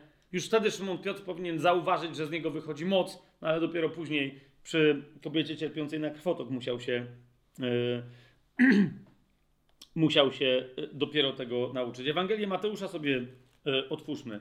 14 werset, bo nie sposób, 14 rozdział, nie sposób nie wspomnieć o tym. Ewangelia Mateusza, 14 rozdział od 28 e, mm, wersetu. Po, y, oni tam płyną, jak pamiętacie, szaleje y, woda, są na środku morza y, i pojawia się Jezus, który ich dogania po wodzie, sprinter, bo się zamodlił gdzieś tam no i postanowił ich minąć, a ci, że zjawa, duch, upiory, ta, Halloween. Jezus do nich mówi, 27 werset, ufajcie, to ja jestem, nie bójcie się. I teraz zobaczcie, znowu tylko prorok może coś takiego zrobić. W, w ogóle może pójść taką ścieżką myślową, że skoro to ty jesteś, no rozumiesz, co my byśmy nawet dzisiaj powiedzieli, no to wejdź tu do, do łodzi, żebyśmy cię dotknęli. Kto normalny wpada na pomysł, to każ mi przyjść do siebie, jeżeli to jesteś ty. Rozumiecie? Tylko prorok może tak zrobić. Nie? Bo on rozumie, co się teraz dzieje. Tu się dokonuje rzecz, która jest naturalna, ale w przestrzeni nadprzyrodzonej, która jest naturalna tylko dla proroków w tak odruchowy sposób. Nie? W każdym razie Piotr się odezwał: Panie, jeżeli to jesteś ty, to każ mi przyjść do siebie po wodzie. Rozumiecie? To w takim razie daj mi, żebym ja zrobił to samo co ty. Myśmy dostali władzę nad demonami, nad chorobami, ale żeby chodzić po wodzie, zatem, haha, jak to ty jesteś, to wiesz jak, ja cię widzę, ja cię słyszę, ale każ mi przyjść do siebie. Nie? Potem mamy całą tą historię, ale w każdym razie Jezus chodzi po wodzie. Nie? Przy okazji, my znamy scenę, kiedy Jezus gromi burzę i wicher i się uciszają. Pamiętacie? Nie? Ale patrzcie, co tu się dzieje. Tak? Piotr, jak zwrócił uwagę zamiast na Jezusa, to na gwałtowny wiatr, w 30 wersecie zaczął tonąć i Jezus go ratuje. Tak? Nie wiem, czy zauważyliście 31 werset, gdzie mamy bardzo e, podobne sformułowanie jak u Jana, gdzie jest powiedziane, że ich łódź natychmiast dobiła do brzegu, mimo że to było, e, że, że byli na środku morza. Nie? Teleportacja. Tu zawsze pokazują ci, że Jezus wyciąga rękę i, i wyciąga tonącego rybaka, nawiasem mówiąc, który świetnie pływał, wyciąga go z wody. Nie? Ale powiedzcie mi, czy tu, czy tu mamy tak, yy, tak napisane, że, że on wykonał akcję? Jest tylko napisane, Jezus natychmiast wyciągnął rękę, uchwycił go i powiedział człowieku mały wiary, dlaczego zwątpiłeś. Nie? I my wyobrażamy sobie taką, rozumiecie, ale ten, te, to, te, to jedno wspomnienie natychmiast wykonał akcję ręką i nią go wyciągnął, nie? Widziałem jednego wierzącego biblijnie rysownika komiksów, który, e, który pokazał, rozumiecie, bo Piotr do niego nie doszedł. Nie? Czyli jest łódź, bardzo daleko, jest Jezus i w połowie drogi Piotr się topi. Nie? A Jezus wyciąga rękę w jaki sposób? Natychmiast go wyciąga. Wyciąga rękę i go podnosi w ten sposób. Rozumiecie, on zaczyna lewitować z powrotem nad wodą. Ale on go nie dotyka, stoi daleko. Nie? Ten tekst nam nie mówi, że Jezus podbiegł po tej wodzie i go wyciągnął, i, i tam go ciągnął, a ten go ciągnął w topiel i tak dalej, i tak dalej. Nie? Znowu, gdy wsiedli do łodzi, wiatr się uciszył, także natychmiast. Nie? Widzicie to? Yy, dziwne cuda, chodzenie po wodzie, kolejny przykład. No i wreszcie dam wam jeszcze jeden przykład yy, z Piotrem, który yy, bywa kompletnie przeoczany. Niektórzy ludzie, jak o nim słyszą, to, to w ogóle mówią, że ej, rzeczywiście, przecież to jest tutaj, w życiu nie zwróciłem uwagi, że to jest cud. Nie? To jest 21 rozdział, tam gdzie Pan Jezus powtarza cudowny połów. Jak pamiętacie. 21 rozdział, e, czwarty werset. Znowu ci łowią i nic nie złowili. Wtedy Jezus zapytał ich, piąt, 21 rozdział, czwarty werset. Gdy, gdy już nastał ranek, Jezus stanął na brzegu, uczniowie jednak nie wiedzieli, że to Jezus. Wtedy Jezus zapytał ich, dzieci, czy macie co jeść? Odpowiedzieli mu, nie mamy. A on powiedział do nich, zarzućcie sieć po prawej stronie łodzi a znajdziecie. Zarzucili więc i nie mogli jej wyciągnąć z powodu mnóstwa ryb. To samo, nie? A Szymon Piotr dalej nie wie, że to jest Pan Jezus. Wówczas ten uczeń, którego Jezus miłował, powiedział do Piotra: To, to jest Pan. Szymon Piotr, usłyszawszy, że to Pan, przepasał się koszulą, bo był nagi i rzucił się w morze. Pozostali uczniowie, swoją drogą, e, wiecie, jak czasem niektórzy mnie pytają, kiedy uczniowie się chrzcili, apostołowie i tak dalej, to ja nieco żartobliwie, e, nie do końca, ale wciąż, no jednak nieco żartobliwie odpowiadam, że wtedy. Nie? Ubrał się w białą chrzcielną szatę i się utopił, no nie? Skoczył, powiedział w twoje, a potem z drugiej strony wypłynął, ale to był chrzest Piotra, bo potem dopiero widzicie się nawraca. Nie? W tym rozdziale. Jezus go pyta trzy razy, czy mnie miłujesz. Ale w każdym razie pozostali uczniowie przypłynęli łodzią, bo byli niedaleko od brzegu, około 200 łokci, ciągnąc sieć z rybami. Pamiętacie, jak dwie ryby ciągnęły i tam się zanurzały? To jest dokładnie to samo, tylko tu mieli jedną łódź. Ale, patrzcie na to, gdy wyszli na brzeg, zobaczyli już żarzące się węgle i leżącą na nich rybę oraz chleb. Jezus do nich powiedział: Przynieście z tych ryb, które teraz złowiliście. Ile? No jakieś, nie wiem, dwie ryby, pięć, ile nam trzeba z tego mnóstwa, które ułowiliście. I teraz popatrzcie na to zdanie. I zobaczcie w nim cud, jeżeli go wcześniej nie widzieliście. Poszedł więc Szymon Piotr i wyciągnął na ziemię sieć pełną wielkich ryb, których było 153. A chociaż było ich tak wiele, sieć się nie rozdarła. I jak mówię ludziom, że to, i on, ludziom mówią, rzeczywiście, sieć się nie rozdarła, to był ten cud, ale taki trochę słaby. Ej! A ile jest rozważań w kościele, co znaczy 153? Nie? Moja odpowiedź brzmi, nie wiem, może coś znaczy, ale nie wiem, co to symbolicznie znaczy. Tylko, że ja dlaczego mam rozważać tutaj symboliczne znaczenie liczby 153? To były 153 wielkie ryby. Do dzisiaj w tym miejscu łowisz takie ryby, że wielkie ryby, rozumiesz, mają między 3 a 5 kilo. To są wielkie ryby. To sobie policz, załóżmy, że to jest najmniejsza kategoria wielkich ryb. Mają po 3 kilo i ich oni je policzyli. Dlaczego? Bo Szymon, pamiętacie, tam ci wyciągali te sieci razem, tak? Jezus powiedział w liczbie mnogiej, przynieście nieco z tych ryb, no bo nie udźwigniecie, tak? Więc wybierzcie trochę z tych sieci. Szymon poszedł sam i sam je wyciągnął i oni je policzyli, bo powiedzieli zaraz, co jest grane, myśmy tu przypłynęli. Ich było 153, razy przynajmniej 3, to sobie policz. No nie ma dzisiaj takich siłaczy, rozumiesz? Na, nawet, jak upra- nawet w pasie jakby ciągnęli, żeby tyle pociągnęli. E, może na sztandze, może, no wiecie o co mi chodzi z tymi nowoczesnymi osiągnięciami, ale ja nie wiem jaki jest dzisiaj rekord świata z pasem dźwigania ciężarów. A tu rozumiesz, chłop wyciąga jeszcze sieci, to gdzie się wrzyna w, rę w rękę, tak? On jest w takim szoku, w takiej radości, to jest naprawdę pan, że wyciąga 150 razy 3 przynajmniej, tyle kilogramów. A jeżeli to jest razy 5, zobacz tutaj cud. I on nawet nie wie, co się dzieje, po prostu je wyciągnął i tyle. A, a ci potem liczą, ty, to było 153 ryby. Obczajasz? No obczajam i on to sam wyciągnął. No właśnie. Goły przepłynął, goły tam wyciągał, no chyba, że już się ubrał przy Panu Jezusie, nie? Jezus im powiedział, no to jak tak? Chodźcie, jedzcie. I żaden z uczniów nie śmiał go zapytać, kim jesteś. Szymon Piotr już yy, wiedział. Yy, nie będę podawać więcej, ale, ale, przyjrzyjcie się, w jakich okolicznościach pojawia się Szymon Piotr i jakie dziwne rzeczy Pan Jezus robi. Pan Jezus dokonywał znaków i cudów. Apostołowie również później dokonywali znaków i cudów. Ok? Znaków i cudów. Jeżeli ty mówisz do kogoś, coś, masz poznanie i ten ktoś mówi, ej, to jest prawda, to rozumiesz, to jest proroczy znak, a nie cud. Czy to jest jasne? Tak? Szymon Piotr, zauważcie, patrzy na chorego i mówi mu: Złota ani srebra nie mam, ale co mam, to ci daję. Udziela mu pewnego daru, którym jest uzdrowienie, ale on go nie uzdrawia sensu stricto. To jest akt proroczy, to jest działanie prorocze, poznanie pewnego rodzaju. Czemu akurat tego, a nie kogoś innego? No bo tego mu pokazał Pan. Tak? Ludzie się mogli potem dotykać Szymona Piotra czy Pawła i ich cień, wiecie o co mi chodzi, te chusteczki, które tam wycierali o Pawła i tak dalej, i one potem ludzie po prostu w imieniu Jezusa, one tam wszystkie, w dziejach apostolskich to jest opisane, niczego nie wymyślam i to wszystko uzdrawiało, tak? No czemu w tym wypadku tego konkretnego jednego? Bo to nie była z niego wychodząca moc, to było działanie prorocze. I ich znacznie więcej znajdziemy w momencie, kiedy się zaczniemy przyglądać Szymonowi Piotrowi jako prorokowi. Jak być prorokiem nowotestamentowym? Tak jak Szymon Piotr.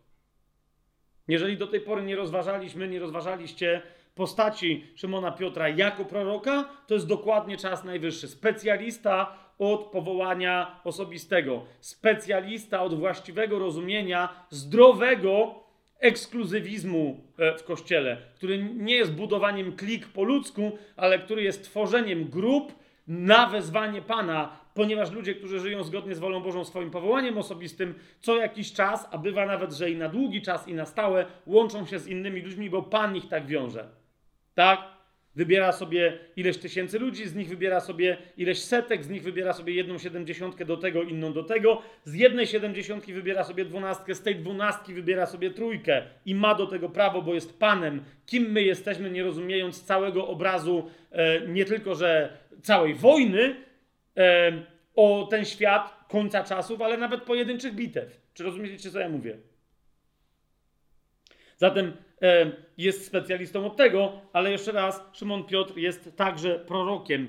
I w takim sensie pamiętajcie, gdybym więcej miał o tym nie wspominać, ale pamiętajcie, żeby w takim sensie czytać jakby, jakby w, w, także pod tym względem i pod tym kątem, aby czytać listy Piotra, ponieważ to są listy ewidentnie w odróżnieniu od listów Pawła, e, czy nawet listów Jana, ale od, do tego jeszcze dojdziemy E, są list, bo Apokalipsa, objawienie Jana jest prorocze, ale nie jego listy. Ok? Listy Piotra, zwróćcie na to uwagę, są prorocze. Zobaczcie chociażby na ostatni rozdział tego wszystkiego, co on napisał. On po prostu jako prorok interpretuje fakty objawione w Słowie Bożym, ale doobjawia, że tak powiem, pewne rzeczy, a reszta mówi to wam na zasadzie Słowa Bożego objawi Paweł. Wyjaśni, on was nauczy, ale objawienie jest takie. I, on, I ono pochodzi tylko od Piotra w tym momencie, znaczy od Ducha Świętego, ale przechodzi przez Piotra. Teraz, kochani, on nie jest wykształcony w Słowie Bożym ani w prawie, ale na sposób proroczy domaga, właśnie, jeżeli on nawet nie prokuruje jakiegoś cudu, to w momencie, kiedy Jezus dokonuje znaków proroczych albo naucza na sposób proroczy, na przykład w przypowieściach, których ludzie nie rozumieją, Szymon Piotr zasadniczo jest tym, który się pyta, co to znaczy. Kolejna rzecz, po której rozpoznasz właściwego proroka. Tak? Prorok to nie jest ktoś, kto wychodzi i mówi do ludzi zagadki. Widziałem coś tam, potem coś tam, to się zamieniło w tamto. Każdy człowiek, któremu się jakaś głupota śniła, jest w stanie powiedzieć dokładnie to samo. Wszyscy New Age'owcy, którzy robią e, medytację, kontak kontaktując, ci, co się kontaktują z demonami, mogą ci takie wizje naprodukować na pęczki. Ludzie, którzy ćpają, którzy zażywają LSD i tak też mają, rozumiesz, też mają wizję. Prorok e, nowotestamentowy to jest ktoś, kto przychodzi, nawet jeżeli ma wizję, którą się podzieli, to następnie wyjaśnia, co ona znaczy. I nie dzieli się tą wizją, dopóki się nie dowie, co ona znaczy. I potem poznasz proroka, który e, także, że on niekoniecznie wtedy, kiedy prorokuje, ale gdy nie prorokuje, nie ma żadnego gotowego zestawu, że niebieski znaczy to, zielony tamto, rozumiesz, ma cały klucz do rozumienia wszelkiego rodzaju wizji. Że ma sennik, ma jakieś tam, wiesz, tego typu brednie. To jest absolutnie sprzeczne ze Słowem Bożym, a zwłaszcza z Nowym Testamentem, tak? Prorok, kiedy słyszy kogoś, kto ma wizję, której nie tłumaczy, każe mu ją wytłumaczyć. To nie jest moja wizja, ale wytłumacz, co masz na myśli. Teraz zobaczcie, nawet Jezusowi, że tak powiem, yy, yy, Piotr tej postawy nie oszczędzał i Jezus wcale go w tej postawie nie napomina. Tylko tak dla przykładu wam podam. Zobaczcie Ewangelię Marka, y, już jedenasty rozdział. Tam, jeżeli y, pamiętacie, y, Jezus przeklął drzewo figowe. Myśmy sobie trochę o tym, o tym przeklęli. Ono uschło po prostu prawie, że z dnia na dzień w zasadzie. Tak? Z godziny na godzinę. Pamiętacie to? I teraz zauważcie, że jedyny człowiek, w którym żyje ta historia, e, to jest 11 rozdział Ewangelii Marka, 20 werset, rano przechodząc zobaczyli, że drzewo figowe uschło od korzeni. No i tyle, tak? I jakby coś tam pamiętali. Zobaczcie, wtedy Piotr przypomniał sobie o tym i powiedział do niego, mistrzu, drzewo figowe, które przekląłeś, uschło. On tu nie mówi wyjaśnij, ale to jest ewidentne, że o to mu chodzi, bo Jezus zaczyna wyjaśniać. Mówi, no właśnie, miejcie wiarę w Boga. I zauważ, wyjaśnia, jak dokonuje się nadprzyrodzonych cudów i znaków przez wiarę w Duchu Świętym. On im to teraz wyjaśnia. I to, co ja teraz zrobiłem, to było to, ale wy to samo możecie robić. Ok? Na prośbę, y, na prośbę Piotra. Ewangelię Mateusza sobie otwórzmy. 18 y, rozdział, 21 werset. Inni cwaniakowali zawsze albo nie cwaniakowali, nie wiedzieli co, ale bali się pytać. Rozumiecie? Piotr coś usłyszał, to jest jeden z tego typu przykładów i podaje mu konkretne, daje konkretne pytanie Jezusowi. 18 rozdział, 21 werset. Wtedy Piotr podszedł do niego i zapytał: Panie, ile razy mam przebaczyć mojemu bratu, gdy zgrzeszy przeciwko mnie? Czy aż siedem razy? I on się domaga konkretnej odpowiedzi. Ile razy? Na co Jezus mu udziela konkretnej odpowiedzi, no, która nie do końca jest konkretna, bo otwiera mu siódemkę w nieskończoność. Niemniej, chodzi mi teraz o postawę yy, Piotra. W Ewangelii Mateusza, wcześniej nieco, w 15 rozdziale, yy, Jezus tam mówi, yy, o, y, opowiada przypowieść, tak? Y, w 15 rozdziale, w 15 wersecie Piotr mówi do niego, wyjaśnij nam tę przypowieść. Po, po prostu. Nie, nie, on nie, on nie, on słyszy, on mówi, dobra, fajne to jest, duch działa. To jest człowiek, który powiedział, ty masz słowa życia wiecznego, ale ja chcę wiedzieć, ja chcę to zrozumieć. I Jezus na jego tego typu pytania, nie tylko jego, ale yy, bo czasem to nie jest on, tylko jeszcze jest on, Jakub i Jan, tak? Ich pytania, ale na ich pytania Jezus odpowiada i daje im interpretację, tak? W Ewangelii Marka e, w 13 rozdziale, jak go sobie otworzymy, Ewangelia Marka, 13 y, rozdział, y, w trzecim wersecie, nie? Czytamy, gdy siedział na górze oliwnej naprzeciwko świątyni. W innych Ewangeliach mamy powiedziane, że tam, o, że, że, że uczniowie go zapytali, a teraz widzimy, kto konkretnie, tak? A propos tego, co dopiero co powiedziałem. Gdy siedział na górze oliwnej naprzeciwko świątyni, Piotr, Jakub, Jan i Andrzej zapytali go na osobności powiedz nam, kiedy się to stanie i jaki będzie znak, gdy to wszystko będzie się spełniać. Znowu to jest pytanie proroków, zauważcie. To jest, to jest pytanie o proroctwo Jezusa, żeby doprecyzował albo żeby prorokował jeszcze dalej na temat tego, co y, ma nadejść. Ewangelię Łukasza y, sobie, y, Ewangelię Łukasza sobie otwórzmy, 12 rozdział. w 12 rozdziale, zobaczcie razem ze mną, jeszcze inne doprecyzowujące pytanie dokładnie Szymona Piotra. Wtedy Piotr zapytał go, nawet nie o znaczenie przypowieści, tylko zapytał go, panie, czy tę przypowieść mówisz do nas, czy też do wszystkich? Nie? Jest bardzo istotne pytanie. Czy to jest uniwersalna przypowieść, czy w tym wypadku mówisz do nas, a my dalej nie rozumiemy? Odpowiedz mi proszę na to, yy, na to pytanie. Kochani, jeszcze raz, i sposób działania, który nam Biblia pokazuje Szymona Piotra, który oczywiście, że jest apostołem Jezusa. Jest też apostołem Ducha Świętego po e, pięćdziesiątnicy, wypełnionym Duchem Świętym apostołem Jezusa. E, nie, o, widzimy, że, że, że towarzyszą mu znaki Jezusowe i kiedy jest przy Jezusie i kiedy Jezusa już nie ma na ziemi, typowe i charakterystyczne tylko dla apostołów i proroków okay? ma postawę e, odczytywania nauczania Jezusa, jego zachowań i tak dalej, typową dla proroków. Jeszcze raz powtórzę. Czytajmy jego listy jako listy prorocze. Oczywiście, że listy apostoła, ale listy prorocze, ponieważ wtedy zauważymy, jak wiele rzeczy, jak wielu rzeczy nawet nie zauważyliśmy, które on na sposób proroczy objawia, po prostu prorokuje. Jasne, że Duch Święty w całym swoim słowie, ponieważ jest duchem proroczym, prorokuje tak?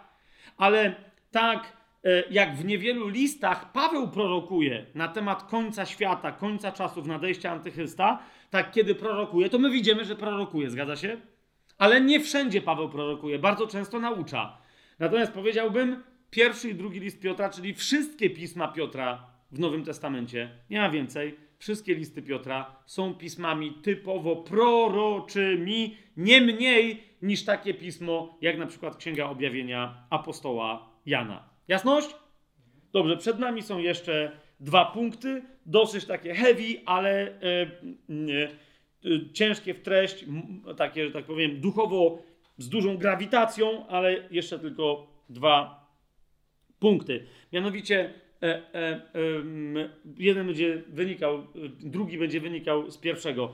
Ale Piotr, musimy cały czas pamiętać o nim, że niezależnie od tego, co on przeszedł, był niezwykle bliską osobą z Jezusem.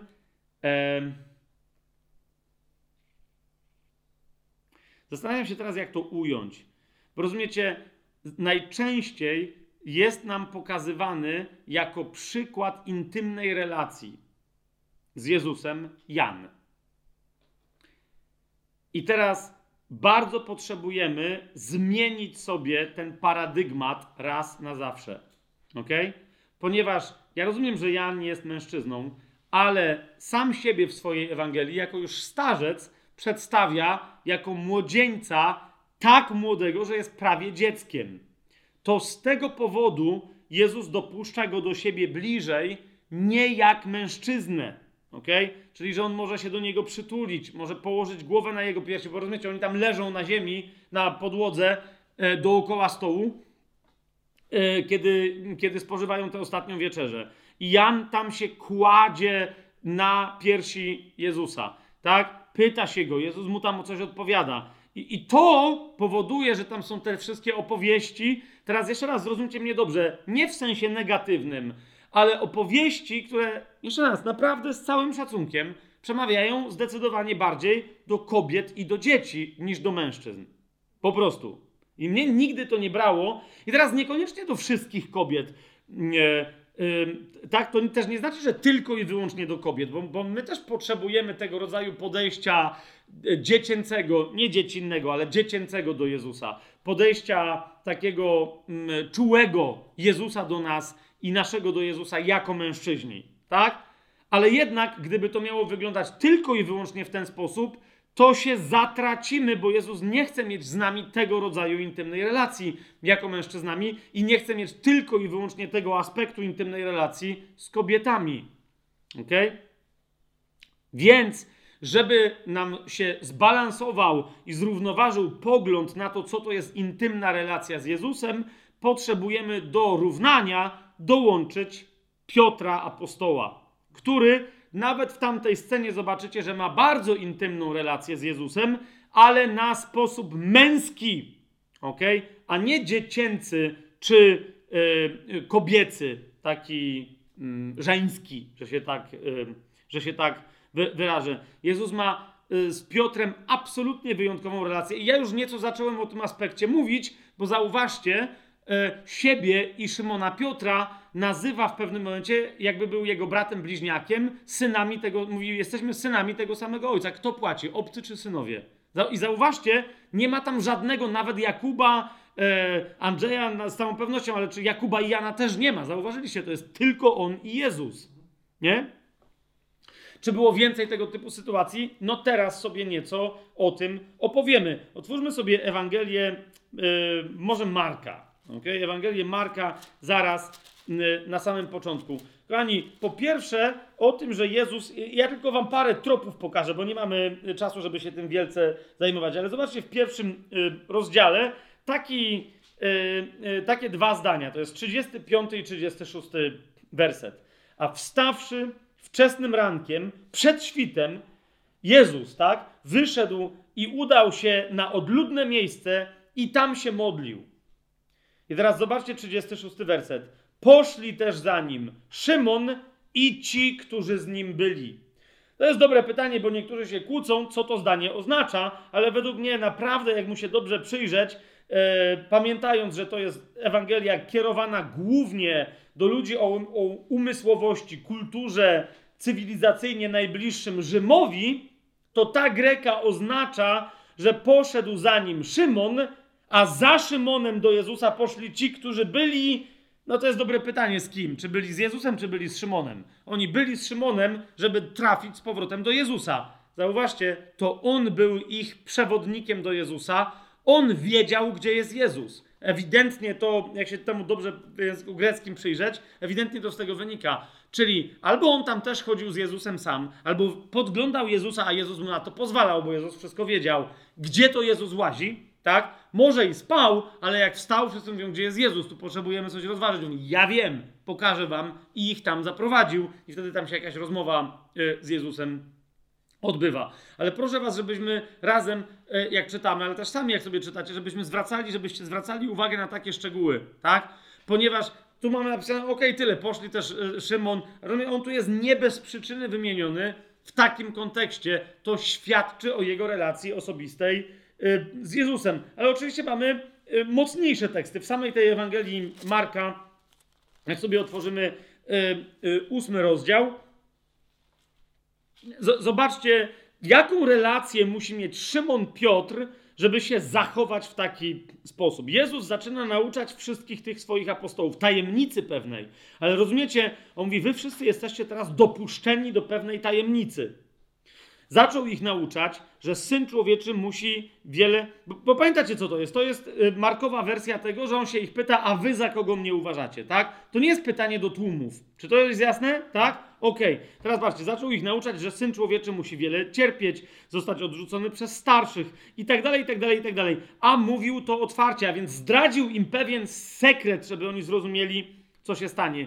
Ale zobaczcie, jak pewnie czuje się, Jan by czegoś takiego nie zrobił. Teraz ja pomijam teraz, czy on zrobił dobrze, czy źle. Jezus mówi, patrz co robisz, Łosiu, bo ja tu jestem nauczycielem, a, tu jesteś, a ty jesteś tylko uczniem, ale zauważcie, jak Marek to precyzyjnie opisuje. Wtedy Piotr, wziąwszy go na bok, zaczął go strofować. Rozumiecie, co jest grane?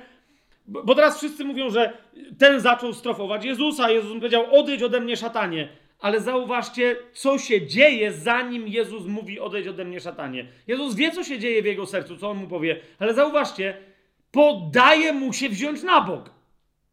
Kapujecie? Daje mu się wziąć na bok. Daje mu się wypowiedzieć do końca, a Szymon Piotr się nie pyta, panie, czy mógłbyś tu pozwolić na, na momencik tutaj na boczek, bo nie chcę, żeby inni słyszeli, może być to nieco dla ciebie wstydliwe. Nie, rozumiecie, on go po prostu bierze na bok. Nie? Z kim, z kim ty masz teraz taką relację, powiedz mi, że rozumiesz, że, żeby móc tak zrobić? Wiesz o co mi chodzi? Kto, kto to może być? Twoje dziecko, twoja żona, twój mąż? Ale ile masz takich osób, że rozumiesz, ktoś coś gada, jest w pełnej pełnym autorytecie. Wiesz o co mi idzie? Ty mówisz publicznie na, na, na forum rodziny, a kto, kto, ma prawo wtedy wstać i wziąć cię na bok i ci powiedzieć, wiesz co, ale pitolisz głupoty teraz. Weź przestań, bo nie, nie chcę cię zawstydzać przy rodzinie, mimo że właśnie się zawstydzam. Patrz, kto ma takie prawo? Nie? Pokażcie mi innego człowieka, który by robił takie rzeczy z Jezusem, przy Jezusie, wobec Jezusa we wszystkich Ewangeliach. Pokażcie mi drugiego takiego gościa. I wobec któremu by Jezus na tyle pozwalał z całym szacunkiem, ale rozumiecie, Jan by się bał. Zresztą wielokrotnie, pamiętacie, jak przychodzi mamusia jego i Jakuba, żeby im załatwiać miejsce, jak już Jezus będzie królem, jako ministra spraw wewnętrznych i ministra e, spraw zagranicznych, pamiętacie? No to jest to. I oni czemu sami nie przyszli do Jezusa? Jan kładł Panu Jezuskowi głowę na serduszku. No może, ale nie miał śmiałości, nie miał z nim takiej bliskości, żeby podejść, wziąć go na bok i go upominać. To, że oczywiście to jest głupota, no ale rozumiecie, no Piotr cały czas jakieś takie odwalał, jakieś takie maniany, tak? Nie teraz nie chodzi o to, co on powiedział do Jezusa i co potem Jezus powiedział, tylko rozumiecie, co zrobił, kiedy chciał coś powiedzieć e, Jezusowi. E, Ewangelię Łukasza sobie otwórzmy. Ósmy rozdział. W e, jeszcze raz, y, myśmy tutaj byli, ten 45 werset, rozumiecie? E, cisną się ludzie na Jezusa, uczniowie są przestraszeni. Jezus się pyta, 48, 48 rozdział, 45 werset, kto mnie dotknął? A gdy wszyscy się wypierali, teraz zwracam wam uwagę na ten aspekt zdania. Patrzcie, co jest grane. Ciągnie się, ciśnie się tłum. Jezus zmierza do domu Jaira. Tak? Ludzie się cisną, ale ja, ja, ja chcę to, a ja chcę tamto, a czy mógłbyś jeszcze coś, nie? Dotknęła się jakaś kobieta i Jezus nagle staje. Pamiętacie, chwycił go tłum, chciał go zabić, zrzuciwszy ze skały. Jezus, jak nie chce być dotykany, to natychmiast robi sobie przestrzeń, tak? W momencie powiedział, nawet nie powiedział dosyć, po prostu przeszedł pomiędzy nimi. Pamiętaj, w tej samej Ewangelii, w Ewangelii, nie? Więc to jest istotne, że on jak chce, to przechodzi między tłumem. Tu pozwala się dotykać, ale nagle staje i mówi, kto się mnie dotknął. Teraz zauważcie, tłum, który łapami tam, a Jezus, dotknijmy się go, nagle odchodzi od niego przestraszony i wszyscy się tłumaczą, ja nie, ja nie, ja nie. Znaczy, kto się tłumaczy? Ludzie, którzy właśnie go dotykali, tak? I teraz w tym kontekście zobaczcie, co robi Piotr. Piotr próbuje ulżyć ludziom, których ewidentnie Jezus przestraszył w tym momencie. Nie? Zobaczcie, Piotr oraz ci, którzy z nim byli, powiedzieli mistrzu, ludzie się w ogóle do ciebie cisną i tłoczą, a ty się pytasz, kto mnie dotknął. Nie wiem, czy widzicie, co jest grane, ale to Piotr staje, bo on, oni by bez Piotra tego nie powiedzieli. Widzicie to już? Jezus ma taką relację, on do niego mówi mistrzu, publicznie on, wiecie, on nie wie, co jest grane, ale mu mówi, no czemu atakujesz tych ludzi, kto się mnie dotknął, jak cię wszyscy dotykali? Tak? Natomiast zauważcie, że Jezus go nie gromi, łosiu, znowu gadasz głupoty, tylko to jest dobre pytanie, bo oni nie wiedzą, o co ja się pytam. Więc, ale jak już mam uwagę wszystkich, włącznie z wami, to zrozumcie, ktoś się mnie dotknął tak, że miał taką wiarę, że wyszła ze mnie moc. Aha. Ale jeszcze raz, popatrzcie, co tutaj się dzieje. Ludzie się tłumaczą, nie, nie, ja nie, ja, ależ gdzieżbym śmiał mistrza dotykać. Piotr wchodzi i próbuje załagodzić tę sytuację. No po prostu załagodzić tę sytuację. Tak? W pewnym sensie Przepraszam za taką moją interpretację, ale no powiedzcie mi, czy nie jest jednak troszeczkę choćby uzasadniona kosztem Jezusa. Nie? Bo on mówi, jakby sugeruje, mówi, myślę, nie wiem o co ci chodzi, ale pytanie jest raczej niemądre. No, ludzie się w ogóle na ciebie cisną. I ty nagle teraz się kapnąłeś i się pyta. Nie czy widzicie, nie? Mówi do niego mistrzu, ale pytanie brzmi, trochę nie ma sensu to, co mówisz, więc co ty mówisz? O co ci chodzi? Nie? Jeszcze raz, zobaczcie, jaka to jest relacja. No i jedna z moich ulubionych scen, jak, y, jak się czasem ludziom w dobrej relacji wydaje, że są właścicielami tej relacji. Nie? To jest oczywiście 13 rozdział Ewangelii y, Jana. Dochodzi do absolutnie szokującej sceny, nawet, nawet dla najbliższych Jezusa, dla apostołów, a najbardziej wstrząsającej i gorszącej prawie że dla Szymona Piotra. W 13 rozdziale czytamy, że Jezus w czwartym wersecie i dalej wstał od wieczerzy i złożył szaty. A wziąwszy ręcznik, przepasał się. Potem nalał wody do miednicy i zaczął myć nogi uczniom i wycierać ręcznikiem, którym był przepasany. Jest ubrany, rozumiecie, jak niewolnik, który myje nogi panów, jak służący. I, no ale wiecie, no wszystkim mył ludzie byli w szoku, leżeli, okej, okay, nie wiemy co jest grane, prorok, jakiś znak, niech będzie. Jeden y, jadł, y, gotując sobie posiłki na kupach, inny y, latał nago, czy nawet ten sam, jeszcze innemu pas zbutwiał, no to nie wiadomo co tu się dzieje, prorocy są szokujące, niech będzie. Ale zauważcie, co robi Szymon Piotr. Jezus podszedł do Szymona Piotra, a on powiedział do niego, panie, ty chcesz mi umyć nogi? Gani, według mnie to zdanie jest przez nas nie dość zrozumiane, bo jest przez nas nie dość studiowane, ale nie chodzi mi o studium jakieś takie językowe, tylko jest przez nas nie dość modlone. Panie, ty chcesz mi umyć nogi? I powiem drugie, to nie jest jakaś wina, bo skąd ja to mogę wiedzieć? Ja myślę, że ono nigdy nie będzie przez nas, przez nas do końca zrozumiane. Rozumiecie? I my musimy. Dlaczego mamy się modlić tym zdaniem i tą sceną? Bo ta postawa. Teraz o co. Je, o co zauważcie. Jezus go nie gromi. On tylko mówi, że ty nie rozumiesz, co się dzieje. Ale zwróćcie uwagę, że on jeden, jedyny w tym wypadku nie chce pozwolić Jezusowi znowu, kolejny raz zrobić to, co on robi, ale zauważcie, teraz mówiąc, co się tu dzieje. A ty jesteś Panem. I ty nam myjesz nogi, to każdy z nas powinien to zrobić. I ty myślicie jeszcze niczego, co ty robisz? Nie? Jezus mu mówi, tego, co ja czynię, ty teraz nie rozumiesz, ale potem zrozumiesz. Niemniej, wiecie o co mi idzie? My to zaczynamy rozumieć, ale nie możemy udawać kiedykolwiek, że zrozumieliśmy to do końca, że Bóg postanowił stać się człowiekiem i nam usługiwać. Rozumiecie? Że Bóg, będąc miłością, miał taki pomysł, żeby stworzyć coś, co będzie nie nim, ale stworzeniem, ale żeby to tak ukochać, żeby chcieć temu czemuś służyć, całemu stworzeniu. Bo rozumiecie, jeżeli Bóg nas kocha i chce nam służyć, to yy, jak my mamy nawet zwierzątko w domu, to On chce też usługiwać temu zwierzątku, rozumiecie? Bo wiedząc, jak się jemu będzie coś działo, yy, Znowu powiem teraz trochę rzecz, no, nie, nawet niech ona zabrzmi infantylnie, ale wiecie, dzieci to rozumieją często wie, chrześcijańskie lepiej niż dorośli chrześcijanie. Ja nie, od dwóch czy trzech może osób, dorosłych chrześcijan, słyszałem świadectwo uzdrowienia, a nawet wskrzeszenia zwierzęcia. Ok? Dorosłych. Ale słyszałem od chyba parunastu dzieci.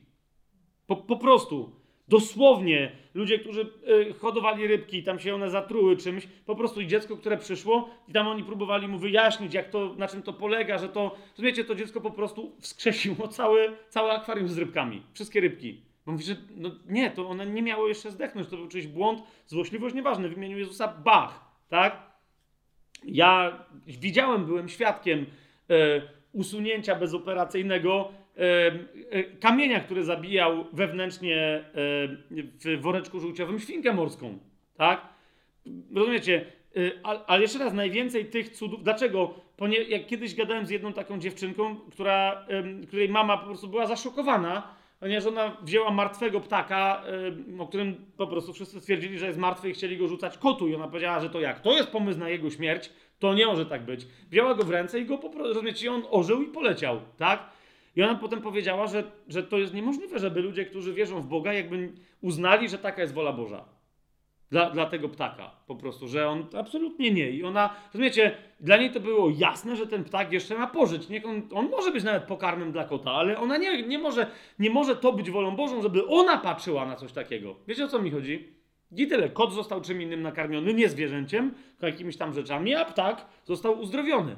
Tak? Więc chodzi mi o to, że wiecie, my czasem patrzymy na takie, że to jest takie oczywiste, bo Bóg jest wszechmocny, ale my powinniśmy przestać uważać za rzecz oczywistą, że właśnie ten wielki, wszechmocny Bóg, nawet który jest miłością, rozumiecie, że On chce nam służyć.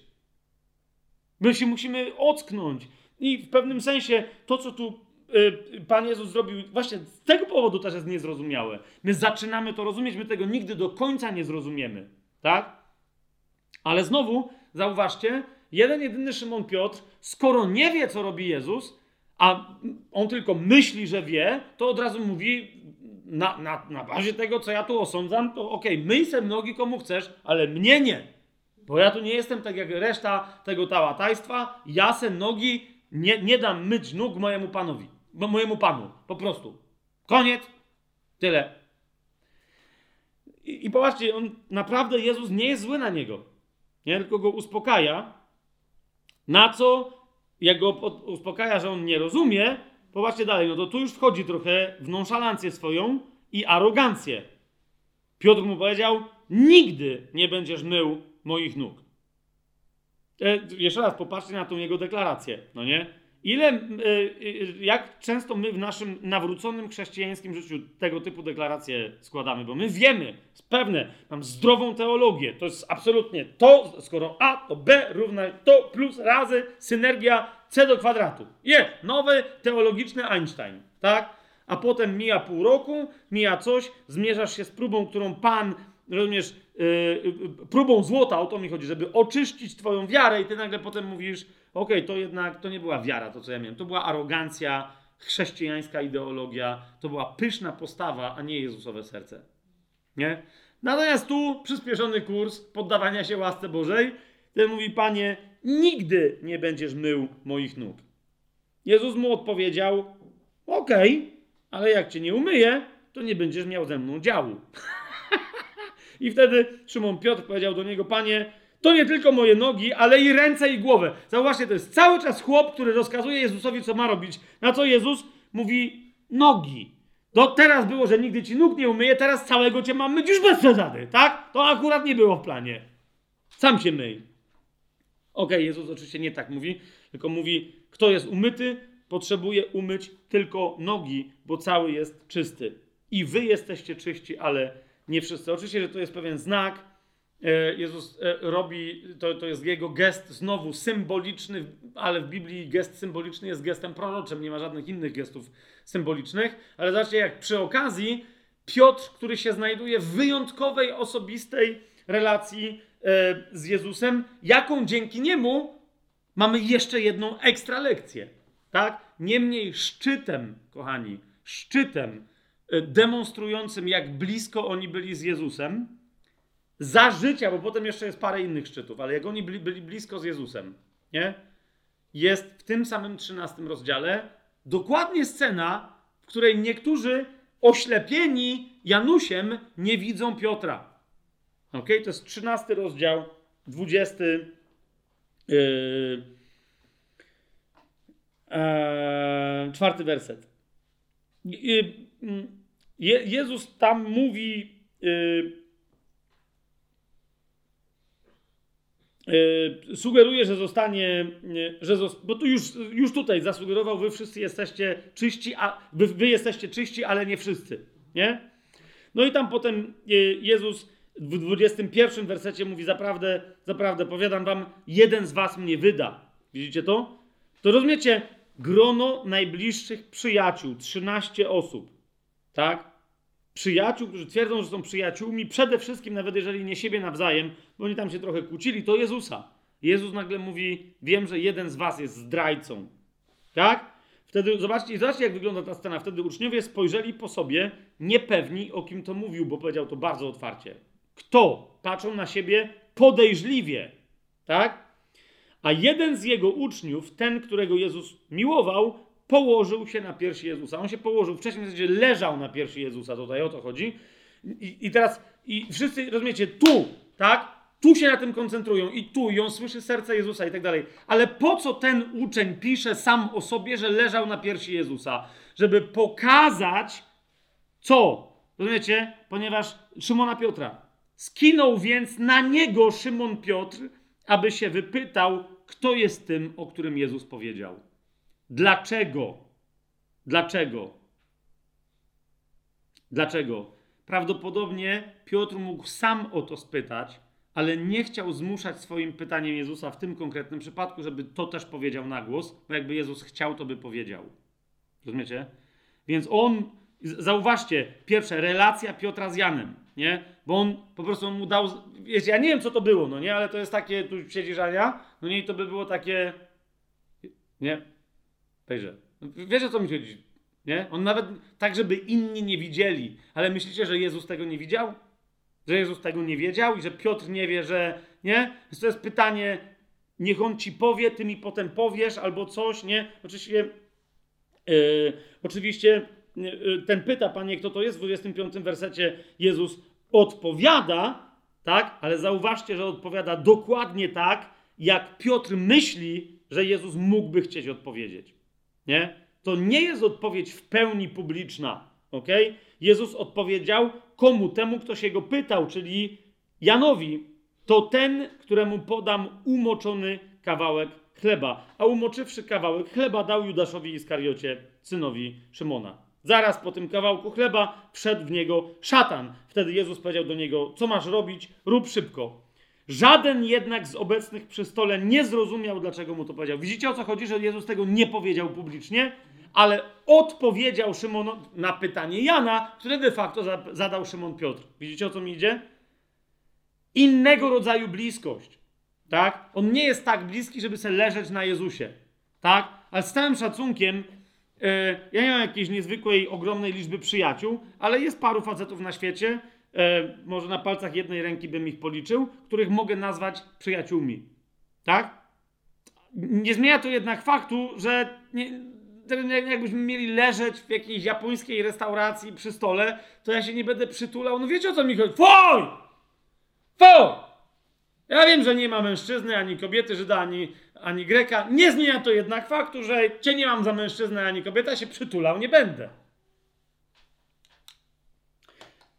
To jest innego, inaczej wyrażana, ale nie gorsza, czy nie mniej intensywna bliskość Piotra z Jezusem niż Jana z Jezusem. Mamy to? Kochani, e, e, wciąż to jest jednak relacja, w której Piotr próbuje zdominować e, ze swojej strony Jezusa. Okay? On go ma za mistrza, pana i tak dalej, ale e, no, po, po, po prostu on chce, żeby się działy rzeczy po jego myśli. Tak? Otóż ta relacja staje się jeszcze bardziej wyjątkowa, i to będzie ostatnia rzecz, którą dzisiaj chcę, żebyśmy zrobili, bo to są też ostatnie istotne rzeczy tyczące się relacji Piotra z Jezusem, dopóki on był na ziemi. tak? To będzie kwestia zdrady Jezusa y, przez Piotra, kwestia jak się widzieli Piotr z Jezusem, jak wyglądała ich relacja po jego zmartwychwstaniu, tak?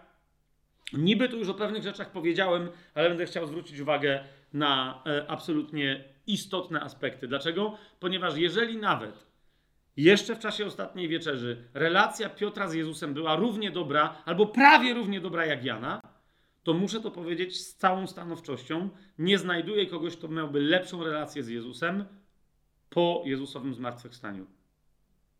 Co, rozumiecie, dopiero powiedziałem, zdrada, zmartwychwstanie, pogodzenie się. Czytaliśmy już 21 rozdział Ewangelii Jana, a ja śmiem twierdzić, że po, zaraz po swoim zmartwychwstaniu Jezus miał z Szymonem Piotrem najlepszą relację nawet niż z Janem? Otwórzmy sobie Ewangelię Mateusza.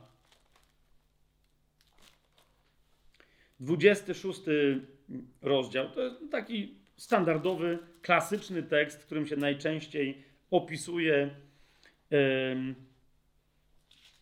zdradę. Tak? Zdradę yy, Piotra. Mateusz 26 rozdział 31 werset i dalej. Wtedy Jezus powiedział do nich: Wy wszyscy zgorszycie się z mojego powodu tej nocy. Jest bowiem napisane: Uderzę pasterza i rozproszą się owce stada. Ale gdy zmartwychwstanę, udam się do Galilei przed wami. A Piotr odezwał się do niego: Choćby się wszyscy zgorszyli z Twojego powodu, ja się nigdy nie zgorszę. Powiedział mu Jezus: Zaprawdę powiadam ci, że tej nocy, zanim kogut zapieje, trzy razy się mnie wyprzesz. Odpowiedział mu Piotr: Choćbym miał z tobą umrzeć, nie wyprę się ciebie. Podobnie mówili wszyscy yy, uczniowie. I my wiemy, co się potem stało. Nie? Wiemy, co się potem stało. Stać było Piotra tylko i wyłącznie na to, żeby machnąć mieczem, uciąć ucho jednemu strażnikowi, a potem uciec. To było wszystko. Ponieważ jeżeli ktoś w duchu nie jest przygotowany, a nie jest przygotowany, kiedy jest pyszałkiem, Bóg bowiem pysznym się sprzeciwia, pokornym łaskę daje. Pokorni mają łaskę i wtedy oni mogą się przeciwstawić diabłu. Tak? Jezus ich cały czas tego uczył, oni tego nie brali do siebie, na czele z Piotrem, który uważał, że on jest duchowym człowiekiem, ponieważ fizycznie chodzi za Jezusem. Ponieważ słyszy to, co on mówi, dopytywał się o różne rzeczy. Co więcej, miał nawet parę nadprzyrodzonych doświadczeń, w ramach których sam Jezus powiedział mu, że miał objawienie z całą pewnością od Boga Ojca. No to przecież to są dowody z przeszłości wyraźne na to, że on wie, co robi. Tak? I trwał dalej w duchowej pysze. To jest, rozumiecie, bardzo istotne dla nas nau nauczanie. Dlaczego? Ponieważ mówi nam o naszym pojmowaniu naszej relacji z Jezusem. Co? Po czym my rozpoznajemy, że my mamy intymną relację z Jezusem? Po naszych deklaracjach? Co zrobimy, kiedy przyjdzie co do czego? Wiecie, a co teraz Jezus nam mówi a propos tych deklaracji? Na bazie czego ty możesz powiedzieć, że masz intymną relację z Jezusem? Jeżeli nie możesz tego powiedzieć, to co ty w ogóle w życiu robisz? Rozumiesz, rzuć wszystko i nie jedź w Bieszczady, tylko idź nawiązać intymną relację z Jezusem. Po, po prostu, co innego masz do roboty w tym życiu? Inaczej, skąd w ogóle będziesz wiedzieć, co masz do roboty, jeżeli nie masz intymnej relacji z Jezusem? Ok? Cokolwiek robi chrześcijanin z pełnieniem woli Bożej, a pełnienie woli Bożej sprowadza się do chodzenia za Jezusem, za barankiem, dokądkolwiek on pójdzie. A jak się za nim chodzi? Znając jego głos. To jest intymna relacja z Jezusem. Jeżeli jej nie masz, to nie chodzisz za nim, to wtedy nieważne, co ty robisz dla Jezusa. Jezus nie potrzebuje, żeby jakieś rzeczy dla niego robić. Rozumiecie? Jezus chce, żeby za nim chodzić. On oczekuje posłuszeństwa a nie naszego spalania się dla Niego jako żertwy ofiarne, ale które sobie sami wymyśliliśmy, zaplanowaliśmy i, i przeprowadzamy. Po, po prostu. Wtedy płonnością tych naszych wysiłków jest dokładnie to, co wtedy zrobił Piotr. Ja zginę z Tobą. I Jezus dokładnie właśnie idzie na śmierć, a on ucina ucho chłopu i jest, tylko co, co go szokuje i co go gorszy, mimo że powiedział, że się nie da zgorszyć. To, że Jezus uzdrawia tego, a propos dziwnych cudów, zauważcie, kolejny, no nie? Jezus uzdrawia go, przykładając mu ucha i ono, ucho i ono mu przyrasta z powrotem, jakby nigdy w życiu nie było odcięte. Nie? Niemniej zerknijmy sobie do Ewangelii Łukasza. Yy, kochani, jak sobie otworzymy Ewangelię Łukasza, 20, yy, 22 rozdział. Bo tam przy tej okazji, e, no właśnie, te, te, czasem te wiecie, opisy się różnią, a tam przy tej okazji Łukasz dzieli się z nami, Duch Święty przez Łukasza dzieli się z nami tekstem, który Jezus wypowiedział od 31 wersetu wprost do Szymona. Jak ten tam, wiecie, że to nie było tylko, że on cwaniakował. Nie? E, Jezus mu więcej znacznie powiedział. Zobaczcie, powiedział do niego Pan, Szymonie, Szymonie, oto szatan wyprosił, żeby was przesiać jak pszenicę. Ale ja prosiłem za tobą. Nie, nie wiem jak wy, ale rozumiecie, to jest. No wiesz, Pan mówi do ciebie, ja prosiłem za tobą. Teraz sęk w tym, kiedyś miałem taką rozmowę. Jedna siostra mi powiedziała, że ona by też chciała. Ja, no, rozumiecie, ja mówię, babo, ty, ale ty jesteś nawrócona, czy naprawdę, co ty w ogóle gadasz, że ona by też chciała kiedyś coś takiego od Jezusa usłyszeć. Co? Że ja prosiłem za tobą? To ty w, życiu pod krzyżem byłaś? Na mocy czego ty jest, uważasz siebie za nowonarodzoną? No bo ona, Pan ją dotknął i ten, no to, no, to, no to czyli czym cię dotknął? Za kogo on na krzyżu umierał, jeżeli nie za ciebie? On tu mówi do Szymona Piotra, że za niego prosił, zanim poszedł na krzyż. Tu nie chodzi o zbawienie, tylko chodzi o to, żeby on w ogóle dożył do momentu, no bo wie, wiecie o co idzie, tak? Judasz zdradził, a potem pff, no już nie doczekał, bo się powiesił, tak? Więc tu rozumiesz, nie ma niczego cenniejszego niż to, jak Jezus się wstawiał za mną, za tobą na krzyżu. Jak się nadal wstawia, o czym mówi Jan za nami, jak na przykład w pierwszym swoim liście, tak? On jest naszą przebłagalnią, jego krew woła za nami, nigdy przeciwko nam. Ona woła tylko i wyłącznie przeciwko oskarżycielowi, który z tego powodu jest zrzucony z nieba. Rozumiecie?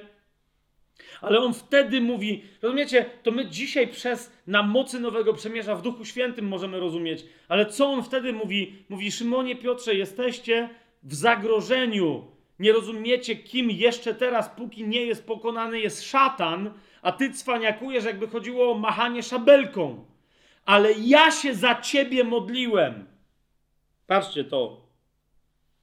Szatan, ja prosiłem za tobą, żeby nie ustała twoja wiara. I Szymon Piotr dalej gada takie rzeczy, jak gada. Rozumiecie, zamiast, zamiast dać się opamiętać, my czasem powinniśmy się dać opamiętać. Dzisiaj rozmawiałem z jednym bratem, który. Yy, no, że kiedyś go poproszę o, o, o, o, o świadectwo, jak wielu, no ale to trzeba byłoby tłumaczyć. W każdym razie osiągnął wielki międzynarodowy sukces w biznesie, ale to, co go czeka teraz, to jest już zupełnie. E, no, no właśnie, i, i, dzisiaj troszeczkę się konsultowaliśmy, bo on miał obawę, czy to nadal może być zgodne z wolą Bożą, tak? Żeby, żeby bogactwo, które on kreuje, władzę, która zaczyna go słuchać, światową, na którą zaczyna mieć wpływ i tak dalej, bo tam jest doradcą czyimś, jakby czy, czy ma prawo dalej tam się, tam się zapędzać, mimo że ma pokój w sercu, rozumiecie? Ale dokładnie ten fragment go poruszył, nie? On mówi, jaką ja mam... Mówi, Paweł mówi, ba, kto stoi, niech baczy, czy, czy żeby nie upadł. Niech uważa, żeby nie upadł. Badajcie siebie, czy jesteście w wierze. Nie? I, i jak... I to, ale co go dotknęło? Bo czytał właśnie Łukasza ten fragment i mówi, Szymon Piotr e, straciłby wiarę w tych... Nam wyraźnie Duch Święty mówi, że on by stracił wiarę, to, że on przez swoje za... Rozumiecie, bo to był człowiek honoru. On by się wcześniej powiesił niż Judasz. Rozumiecie? Tym bardziej, że Jezus mu powiedział to, co mu powiedział. Ale Jezus cały czas był jego osobistym wstawiennikiem. Nie wiem, czy rozumiesz, siostro, bracie, teraz takim językiem się posłużę, żeby indywidualnie to dla ciebie zabrzmiało, że nie, niezależnie od tego, jak genialną, wyjątkową relację wtedy miał Szymon Piotr z Jezusem w porównaniu z innymi bliskimi ludźmi Jezusa, to my dzisiaj mamy lepszą niż on wtedy miał po Jezusowej śmierci i zmartwychwstaniu jako nowonarodzone istoty. My dzisiaj mamy równie doskonałą jak Szymon Piotr i jak wszyscy inni. Tak? Ale rozumiesz, popatrz na to, jak to jest wyjątkowe. Jezus modlił się i on, wiesz, wychodził, Szymon Piotr go widział, nie? Jak on, on wiedział, gdzie się modlił na tych górach, inny mówi, o to wylaz tu albo tam, ja go znajdę, chodźcie za mną, jest, proszę bardzo, no nie? I nawet nie, rozumiecie, do głowy mu nie przyszło, że tam na przykład wiele godzin jednej nocy Jezus mógł poświęcić tylko i wyłącznie na modlitwę za niego jednego. Więc Jezus mu mówi: Ja prosiłem za tobą, 32 werset, żeby nie ustała twoja wiara, ty zaś, gdy się nawrócisz, utwierdzaj swoich braci. I teraz popatrzcie na odpowiedź Piotra.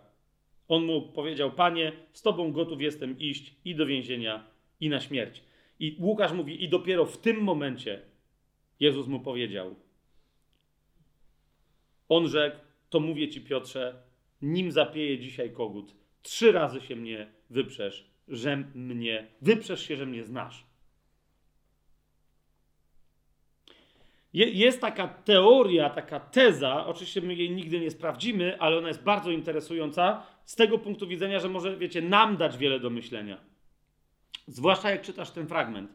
Bo jak się czyta inne, to jest takie, no po prostu Piotr, zwłaszcza wyznawcy determinizmu teologicznego, no, Piotr musiał zdradzić. Ale niektórzy mówią, jak czytasz ten fragment, to, to naprawdę nasuwa się słuszne pytanie. Czy Piotr musiał się zaprzeć Jezusa w tej historii? Czy też po prostu on się go zaparł dokładnie w tym momencie, kiedy Jezus mu powiedział, co się dzieje, a on dalej uważał, że wie lepiej niż Jezus. To on z nim umrze, że on coś tam. Ja prosiłem, żeby szatan prosił, żeby was przesiać jak pszenica. Ja prosiłem za to, żeby nie ustała twoja wiara. A ten rozumiecie? Ale to jest żaden problem, ja pójdę z tobą na śmierć. To, nie? nie rozumiejąc, że pójście na śmierć e, dla Jezusa, na świadectwo o Jego mocy, o Jego panowaniu, to nie jest tylko kwestia pójścia na śmierć, bo ty jesteś żołnierzem i stajesz w obronie ojczyzny. Wiesz o co mi chodzi? Człowiek jest w stanie obronić ojczyznę, swoją rodzinę i tak dalej, położyć swoje życie dla jakichś wartości, które wyznaje. Tu całe piekło stanęło przeciwko wszystkim, którzy by chcieli wtedy być z Jezusem. Bo całe piekło stanęło przeciwko Jezusowi i tylko on jeden był w stanie te nawały wytrzymać i się jej przeciwstawić skutecznie. Mówię ci, Piotrze, nim zapieje dzisiaj kogut, trzy razy się mnie wyprzesz, że mnie znasz. Nie? E, potem widzimy e, sytuację, przychodzi Judasz w tym samym rozdziale, już zostaniemy w, tym, e, w tej Ewangelii Łukasza. 49 werset. Ci, którzy przy nim byli, widząc na co się zanosi, zapytali go, panie, czy mamy uderzyć mieczem? Jak myślicie, kto tu się pyta? I jeden z nich tych pytających, a pamiętacie, że mieli dwa miecze, no to się wielu ich nie pytało, tak? Jeden z nich uderzył sługę najwyższego kapłana i odciął mu prawe ucho. Ale Jezus odezwał się: Pozwólcież aż dotąd. To, co to, nie będziemy teraz tego rozważać, jest bardzo istotne, co wy robicie. I dotknąwszy jego ucha, uzdrowił go. Nie? No i y, wówczas wszyscy się rozpierzchli, a Piotr, jak czytamy, 54 werset, szedł za nim, ale z daleka, no i potem go zdradził. O czym za chwilę, bo teraz mi się przypomniało, że przecież miałem powiedzieć, skąd my wiemy, bo wiecie, w Ewangeliach synoptycznych, jak czytamy, że jeden z nich uciął temu tam ucho, to tam nie jest powiedziane, że, że tam nie jest powiedziane, że to był, yy, że to był, yy, yy, że, że to był Piotr, tak? Natomiast, że to był Piotr, zdradza nam kto? No jego serdeczny przyjaciel, tak? Czyli w Ewangelii Jana yy, yy, czytamy, zaraz, ja, Ewangelię Jana i się dziwię, co tu sobie otworzyłem, a otworzyłem dzieje apostolskie. Jest.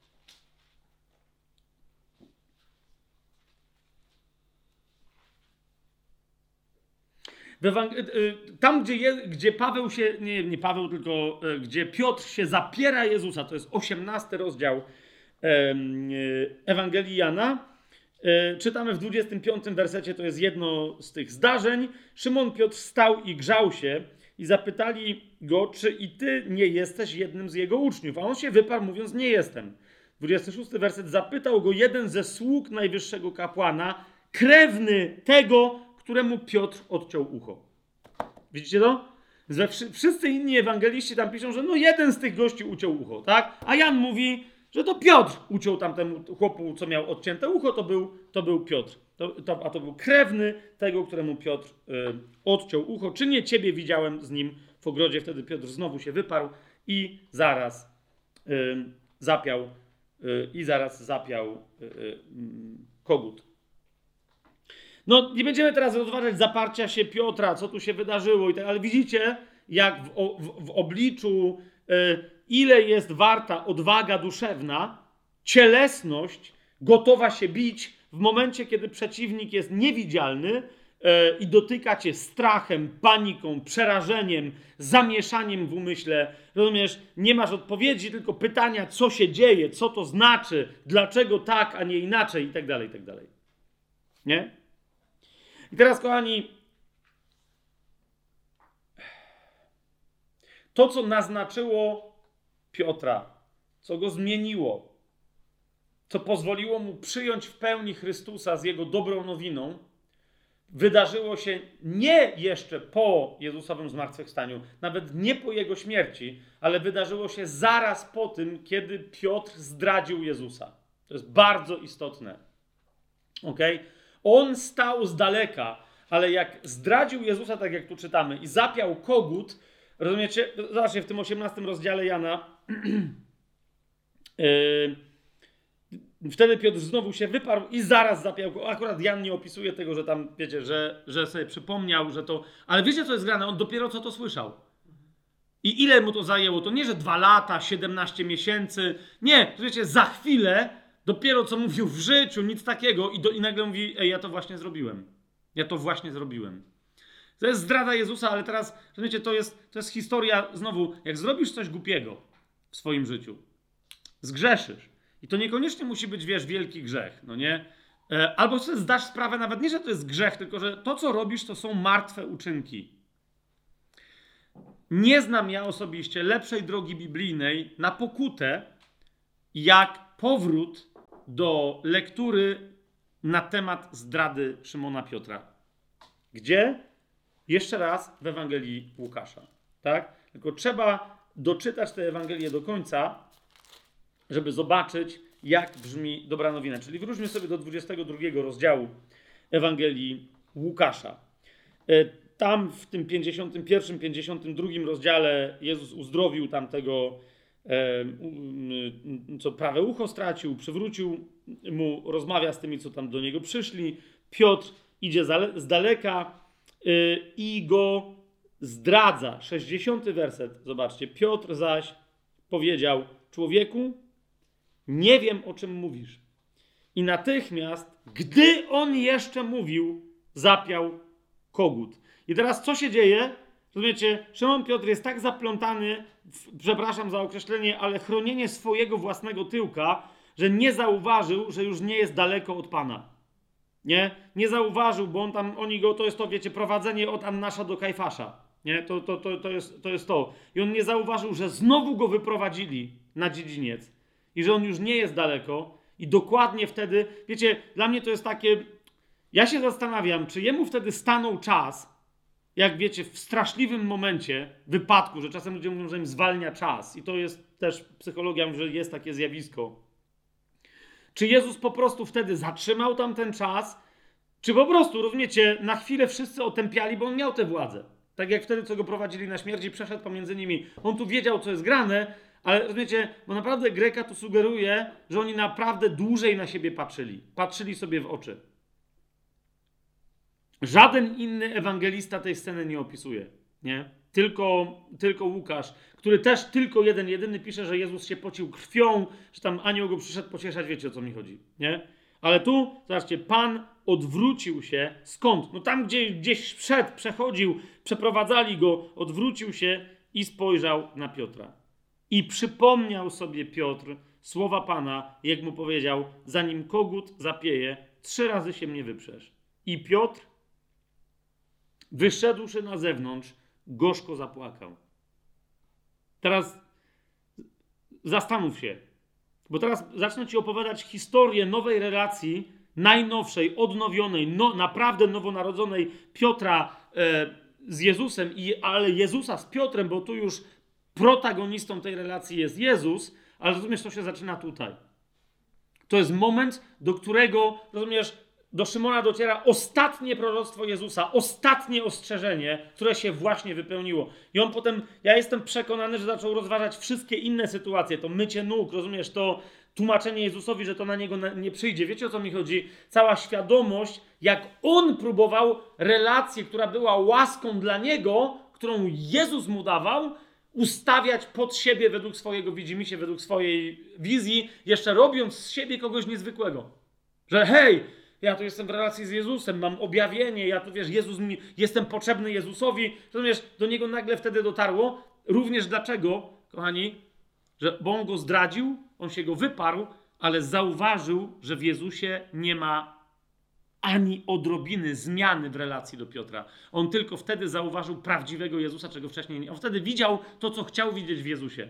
Mesjasza, który zrobi e, przewrót, wygra, zwycięży, obali Rzym, siądzie na tronie Dawidowym. To było to, wiecie, to jest to. A on będzie jednym z jego najbliższych ludzi, no bo przecież halo, nie? Więc on nie przyjdzie to na ciebie.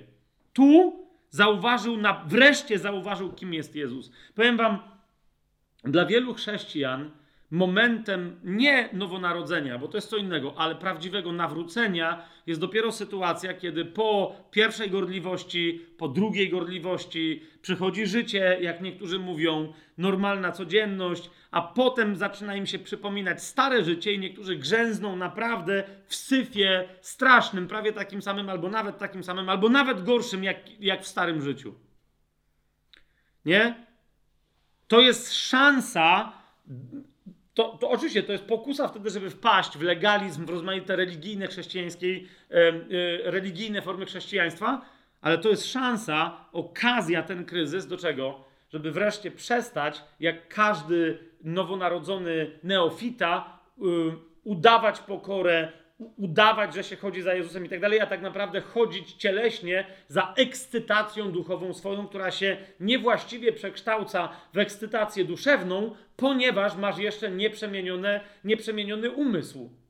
Po prostu. I cały czas próbujesz na stary sposób, cielesny, duszewny, e, rozważać, doświadczać, ale też służyć Panu w duchowych kwestiach. I tam dochodzi do zamieszania. Ludzie wtedy robią dziwaczne rzeczy, to ich często rani, potem mówią, a trzeba więcej rozsądku. Wiecie o co mi idzie? Nie, mamy płonąć, mamy, mamy być ogniami chodzącymi, mamy być szaleni dla Jezusa, ale tak, jak Jezus sobie tego życzy, a nie tak jak, rozumiecie, jak nam się wydaje, że powinien wyglądać szalony, gorący chrześcijanin.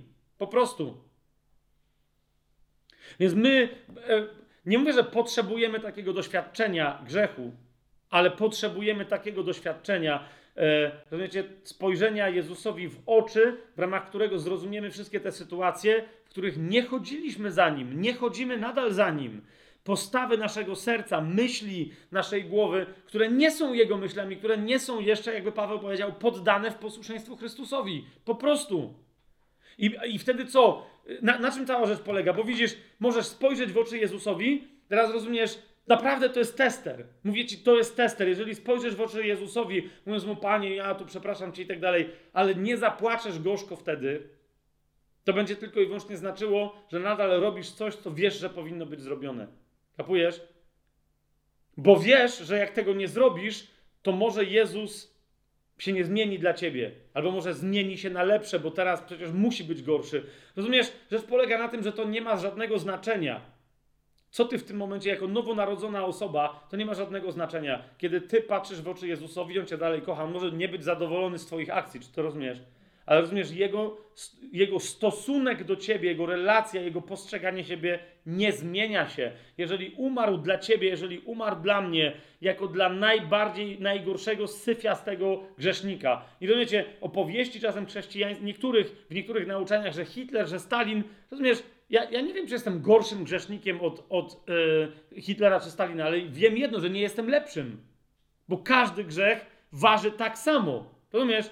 Ka każdy grzech, gdyby był tylko jednym, jedynym grzechem, był koniecznością do jego zmycia, byłaby śmierć Jezusa i dlatego jest to potworność. Rozumiesz? Jezus by musiał wy... Nieważne, czy to jest grzech, nie to, że nieważne, bo to jest ważne, ale chodzi mi o to, że w sensie ofiary duchowej, która musiała być poniesiona, czy by był jeden człowiek na świecie, jak Hitler i jego ludzie, to, to nie był jeden człowiek na świecie, tylko ludzie, no ale nieważne, którzy, wiecie, wymordowali masę e, Żydów, Polaków, Cyganów i tak dalej, i tak dalej, czy byłbym, to bym ja z moim jednym grzechem, w ramach którego nikogo nie zabiłem. Ale nadal, gdyby to było takie zerwanie linii życia, e, jakim był ten mój grzech, pierwszy, rozumiesz, to nadal Jezus musiałby przyjść i za mnie umierać, dokładnie tak samo jak za Hitlera. Stoi, w tym sensie się niczym nie różnimy. Ja nie jestem od niego gorszym grzesznikiem, ale nie jestem lepszym. Grzesznik to jest grzesznik. I problem z grzesznikiem polega na tym, że jest osobą zgubioną. Rozumiecie?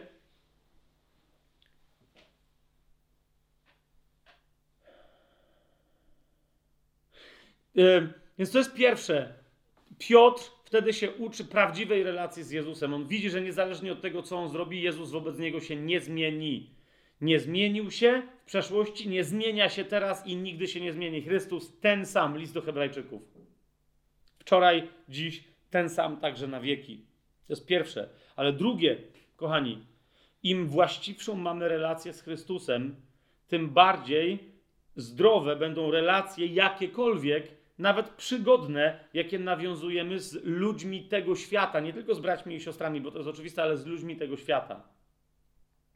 Widzisz, czasem ludzie mnie pytają, mi tłumaczą, że moja intymność z Chrystusem i mi opowiadają to, tamto, rozumiesz, moje jest, ja mam prosty test intymności z Chrystusem. Czy masz re, intymną relację z Chrystusem?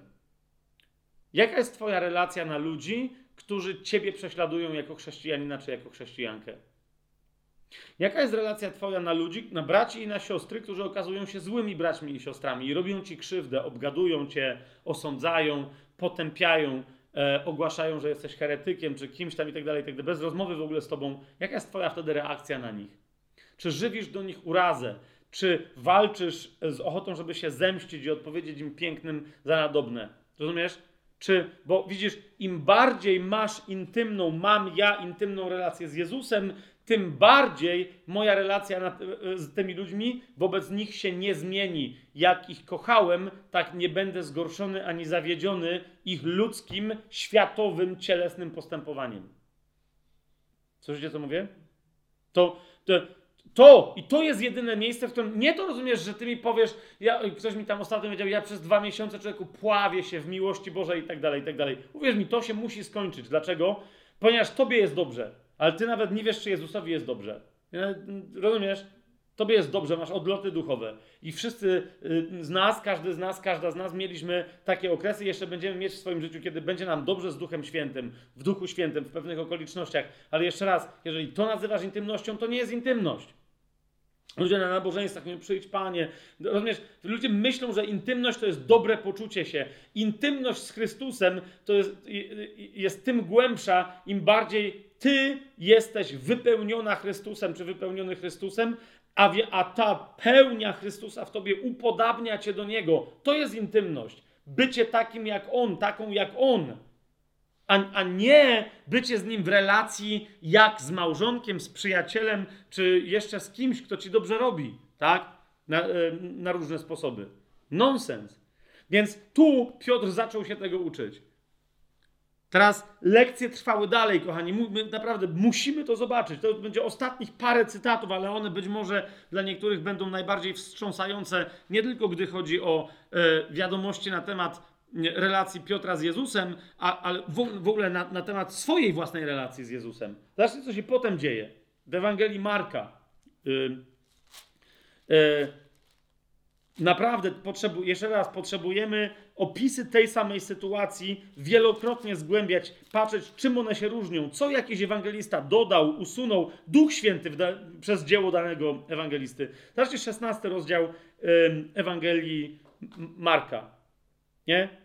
to jest trzy dni po śmierci Jezusa. Przychodzą tam niewiasty, no wiecie o co chodzi, nie? Niewiasty do grobu, tam widzą młodzieńca siedzącego po prawej stronie tego, te, tego miejsca, gdzie leżał Jezus w środku grobu, ubranego w białą szatę. Oczywiście jest to anioł, dlatego one się przestraszyły, tak? Lecz on powiedział do nich, uważajcie na to, nie bójcie się. Szukacie Jezusa z Nazaretu, który był ukrzyżowany? Powstał. Nie ma go tu. Oto miejsce, gdzie go złożono. I teraz uważajcie, co się tutaj dzieje, ale idźcie i powiedzcie jego uczniom i Piotrowi. Ja cię kręcę. No Jezus umarł. Możesz sobie wyobrazić, pomimo tego, że, Jezu, że Piotr widział jego oczy, tak? W Ewangelii Łukasza. Co mówi nam Marek? Jeszcze raz, jeszcze raz, czyja to jest Ewangelia? To jest Ewangelia Piotra. Pośrednio, tak? Znaczy, tylko Marek to wspomina, że anioł powiedział kobietom, powiedzcie to jego uczniom i Piotrowi. Co? Idźcie i powiedzcie jego uczniom i Piotrowi, Piotrowi, że on udaje się przed wami do Galilei. Tam go ujrzycie, tak jak wam powiedział. Piotrze, nawet jeżeli ty w tym momencie już nie masz się za mojego wiernego ucznia, nadal widzę się z tobą w Galilei. I teraz, kochani, e, nie wiem, może najbardziej, do, do najbardziej sensacyjnych e, docieramy e, momentów, tak? Bo przyszły te kobiety i powiedziały: Macie iść do Galilei. To jest to. Ewangelia Jana mówi nam, że na te rewelacje dwóch tylko ośmieliło się olać cały strach przed Żydami i pobiec tam. Rozumiecie? Stwierdzić, dobra, mniejsza o to, ja, ja to muszę zobaczyć. Jan i Piotr. Ewangelia Jana w 20 rozdziale to opisuje. Bo rozumiecie, Piotr się dowiedział, że Jezus do niego mówi imiennie: Nadal nie mam ci za złe. Wręcz moja śmierć wszystko zmieniła, nie tamto moje spojrzenie. Rozumiesz? Jest jeszcze lepiej niż byś sobie pomyślał. 20 rozdział Ewangelii Jana. Pierwszego dnia po szabacie, rano, gdy jeszcze było ciemno, Maria Magdalena przyszła do grobu, zobaczyła kamień odwalony od grobowca. No i tam się wydarzyło to, co Marek opisał, i wtedy, wtedy pobiegła i przyszła do Szymona Piotra i do drugiego ucznia, którego Jezus miłował. Widzicie to? Dlaczego bym powiedział uczniom i, no a ci byli razem. No to przyszła i powiedziała, do nich zabrali Pana z grobu i nie wiemy, gdzie go położyli. Wyszedł więc Piotr i ten drugi uczeń i poszli do grobu. I biegli obaj razem, ale ten drugi uczeń wyprzedził Piotra i pierwszy przybył do grobu. Kiedy się nachylił, zobaczył leżące płótna, jednak tam nie wszedł. Przyszedł też Szymon Piotr, idąc za nim. Wszedł do grobowca i zobaczył leżące płótna, i tu jest kluczowy werset do zrozumienia tej sceny, i chustę, która była na jego głowie, teraz położoną nie z płótnami, ale złożoną osobno na jednym miejscu. Potem wszedł, czyli rozumiecie, nie dobiegł pierwszy do grobu, ale pierwszy wszedł. Jan go puścił. Potem wszedł także ten drugi uczeń, który pierwszy przybył do grobu, zobaczył i uwierzył. Co? Dokładnie tę chustę. Ja zdaje się, że przy okazji Ewangelii Jana mówiłem o tym, prawda? Że oni po prostu, Jan rozpoznał to, tak? A Piotr dalej się przyglądał, ale, tak? Potem wszedł także ten drugi uczeń, yy, który pierwszy przybył do grobu, zobaczył i uwierzył. Jeszcze bowiem nie rozumieli pisma, że miał zmartwychwstać. Wtedy uczniowie powrócili do domu. Nie? Widzicie to? A Piotr dalej stoi i się przygląda. Mówi, czy by to mogło tak być, żeby on zmartwychwstał, ukatowany, to jakby to nie jest moja wina, ale ja go tam wtedy zostawiłem, a powiedziałem, że niechby cię wszyscy opuścili, ja tam będę z tobą i dokładnie mnie tam nie było.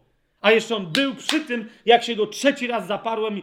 Ja jeszcze jak to mówiłem, że ja nie znam tego człowieka, to rozumiecie, całkiem możliwe, że Jezus, który tam przechodził, to słyszał. Zapiał kogut, ten się odwrócił, patrzy Jezus. Rozumiecie?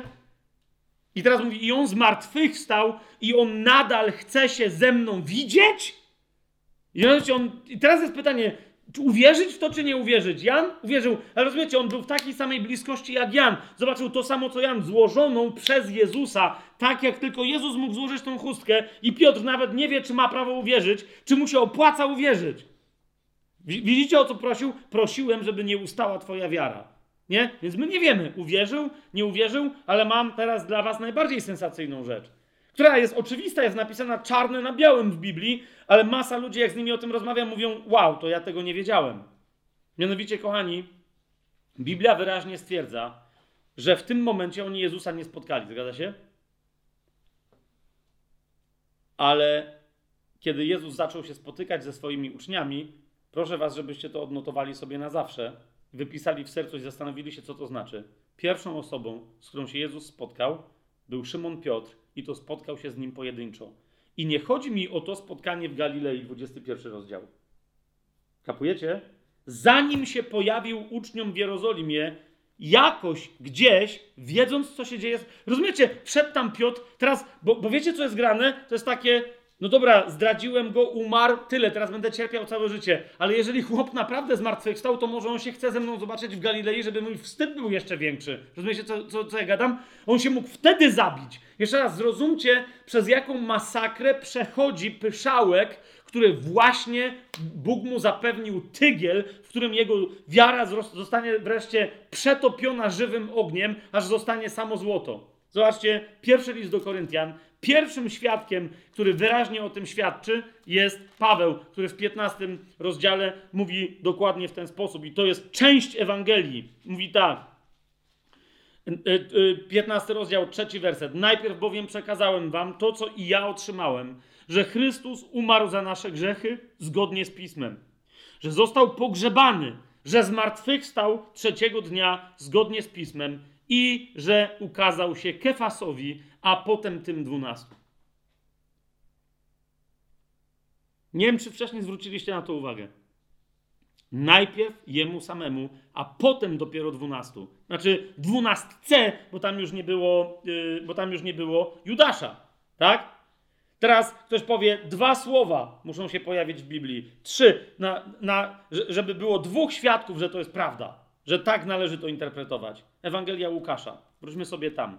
Ten Łukasz, który nam opisał, jak, jak Piotr spojrzał Jezusowi w oczy i gorzko zapłakał, ten sam Łukasz w 24 rozdziale, kiedy nam opisuje wracających uczniów z Emaus, którzy rozpoznali Jezusa, oni go widzieli. Pamiętacie to? Bo ktoś mi powiedział, nie, oni go pierwsi widzieli. No nie, bo wcześniej był u, u, u apostołów w Jerozolimie. Zobaczcie, 24 rozdział, 33 werset i dalej. Wstawszy o tej godzinie, wrócili do Jerozolimy i zastali zgromadzonych jedenastu i tych, którzy z nim byli.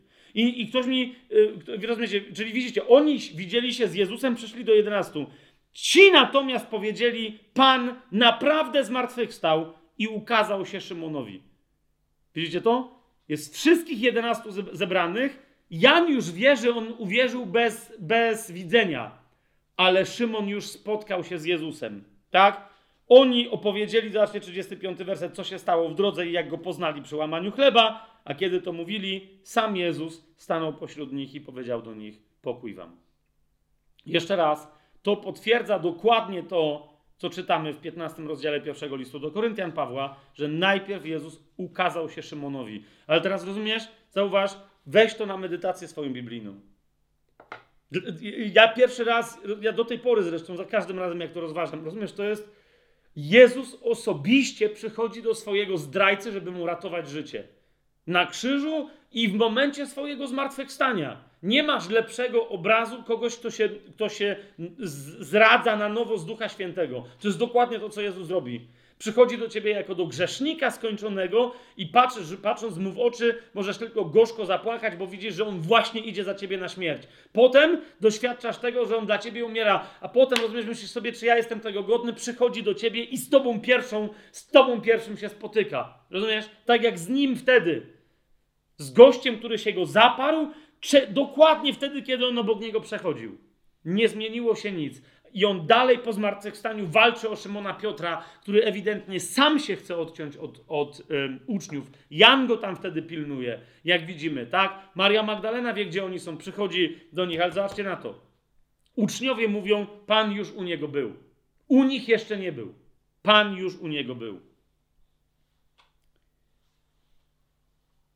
Otwórzmy sobie na sam koniec, bo to jest koniec. Yy, więcej, no, no więcej rzeczy, jest więcej rzeczy, tak? Bo oni się potem widzieli, ale jeszcze raz, kochani, yy, skończymy tym tekstem. Ja go po prostu przeczytam. Yy, żebyśmy właściwą refleksją zakończyli pierwszą część naszych rozważań na temat Szymona Piotra. W, w, w przyszłym tygodniu druga część, ale żebyśmy dzisiaj właściwą refleksją to zakończyli. Widzisz, ja mam swoje doświadczenie nowonarodzenia, ty masz swoje doświadczenie nowonarodzenia. Nie?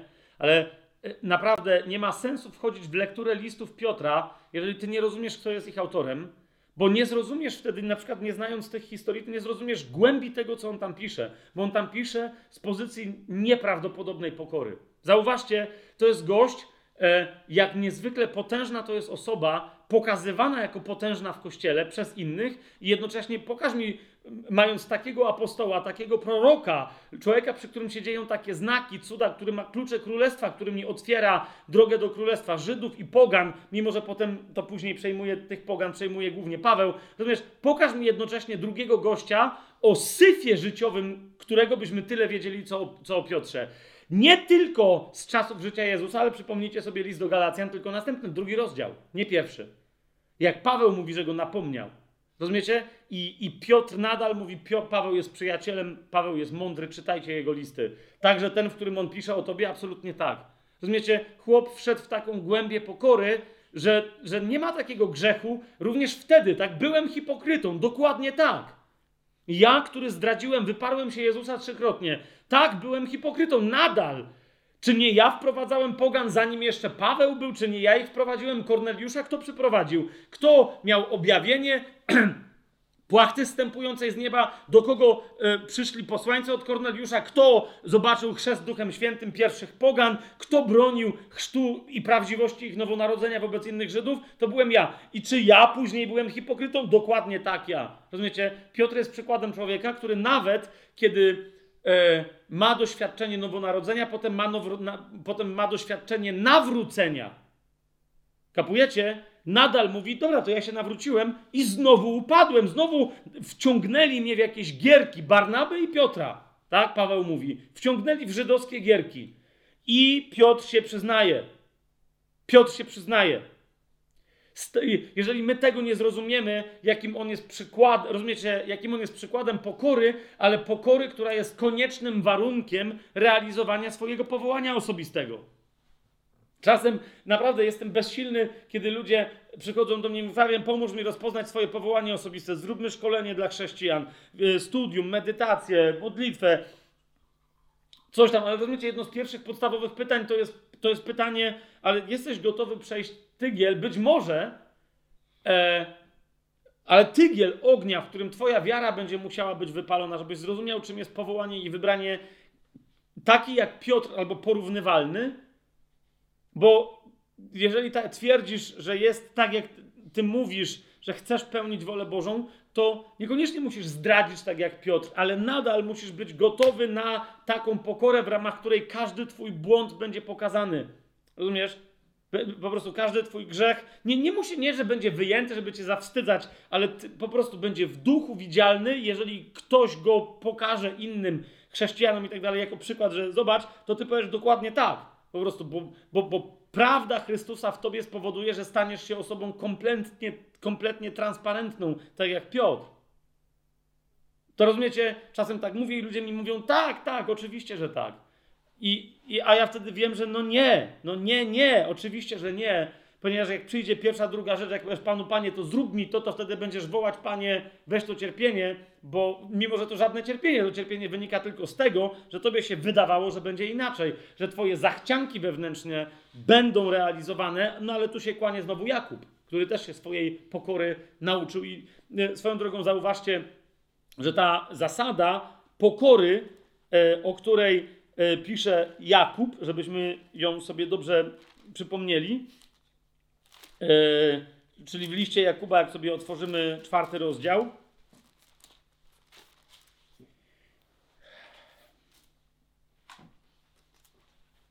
Absolutny fundament życia chrześcijańskiego, tak? Łaska, ale aby żyć łaską, potrzebujemy trwać w pokorze również dzięki łasce.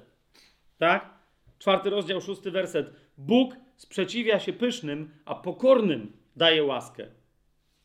Poddajcie się więc Bogu, przeciwstawcie się diabłu, a ucieknie od was. Dzisiaj ten brat, z którym rozmawiałem, dokładnie on mi zadał pytanie, mówi Fabian, ludzie mi zaczynają zarzucać, że jak ja mogę twierdzić, że jestem chrześcijaninem, a jednocześnie mówią, że nie jestem pokorny. Dlaczego? No i podaje mi przykłady, nie?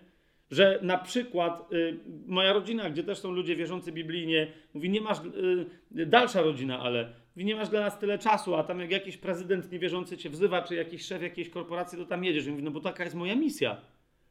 No i naprawdę Bóg ci mówi, że, że oni są ważniejsi od nas, my jesteśmy... I on, I on mówi, wiesz co, mi się nawet nie chce tłumaczyć, ale naprawdę tak jest. Że Bóg mówi, no tak. No, i, I jeżeli wy tego nie rozumiecie, że chociażby z tego powodu, że to są zgubieni ludzie, nie? Bo, bo, to są, wiecie, ci z tych chrześcijan, którzy bardzo chętnie by usługiwali, bo nawet tego nie robią, ale by usługiwali biednym, ubogim, tak? Ale do, mówią, że no bo wiesz, bo to trzeba dużej pokory, żeby wyjść i karmić ludzi na ulicy. Ja wiem. Może znacznie większej pokory wymaga przyznanie się, że się boisz ludzi wpływowych i bogatych i pójść do nich i rozmawiać jak równy z równym. To większość chrześcijan, znowu przepraszam za określenie, ale trzęsie tyłkami przed ludźmi tego świata. Nie wiedzą, jak się zachować. Widelec i nóż im z ręki przy jedzeniu wypadają, bo nie wiedzą, czy dobrze się ruszają, czy nie, czy coś. Wiesz, i nie, więc, więc między innymi dzisiaj o tym rozmawialiśmy, tylko na, nie na bazie Piotra, tylko Jakuba, ale, ale mu powiedziałem, przyjacielu, pokora w Biblii oznacza tylko i wyłącznie jedno: postawę kompletnego uniżenia i poddania się osąd, pod osąd całkowity tylko i wyłącznie Panu. Tylko i wyłącznie Panu.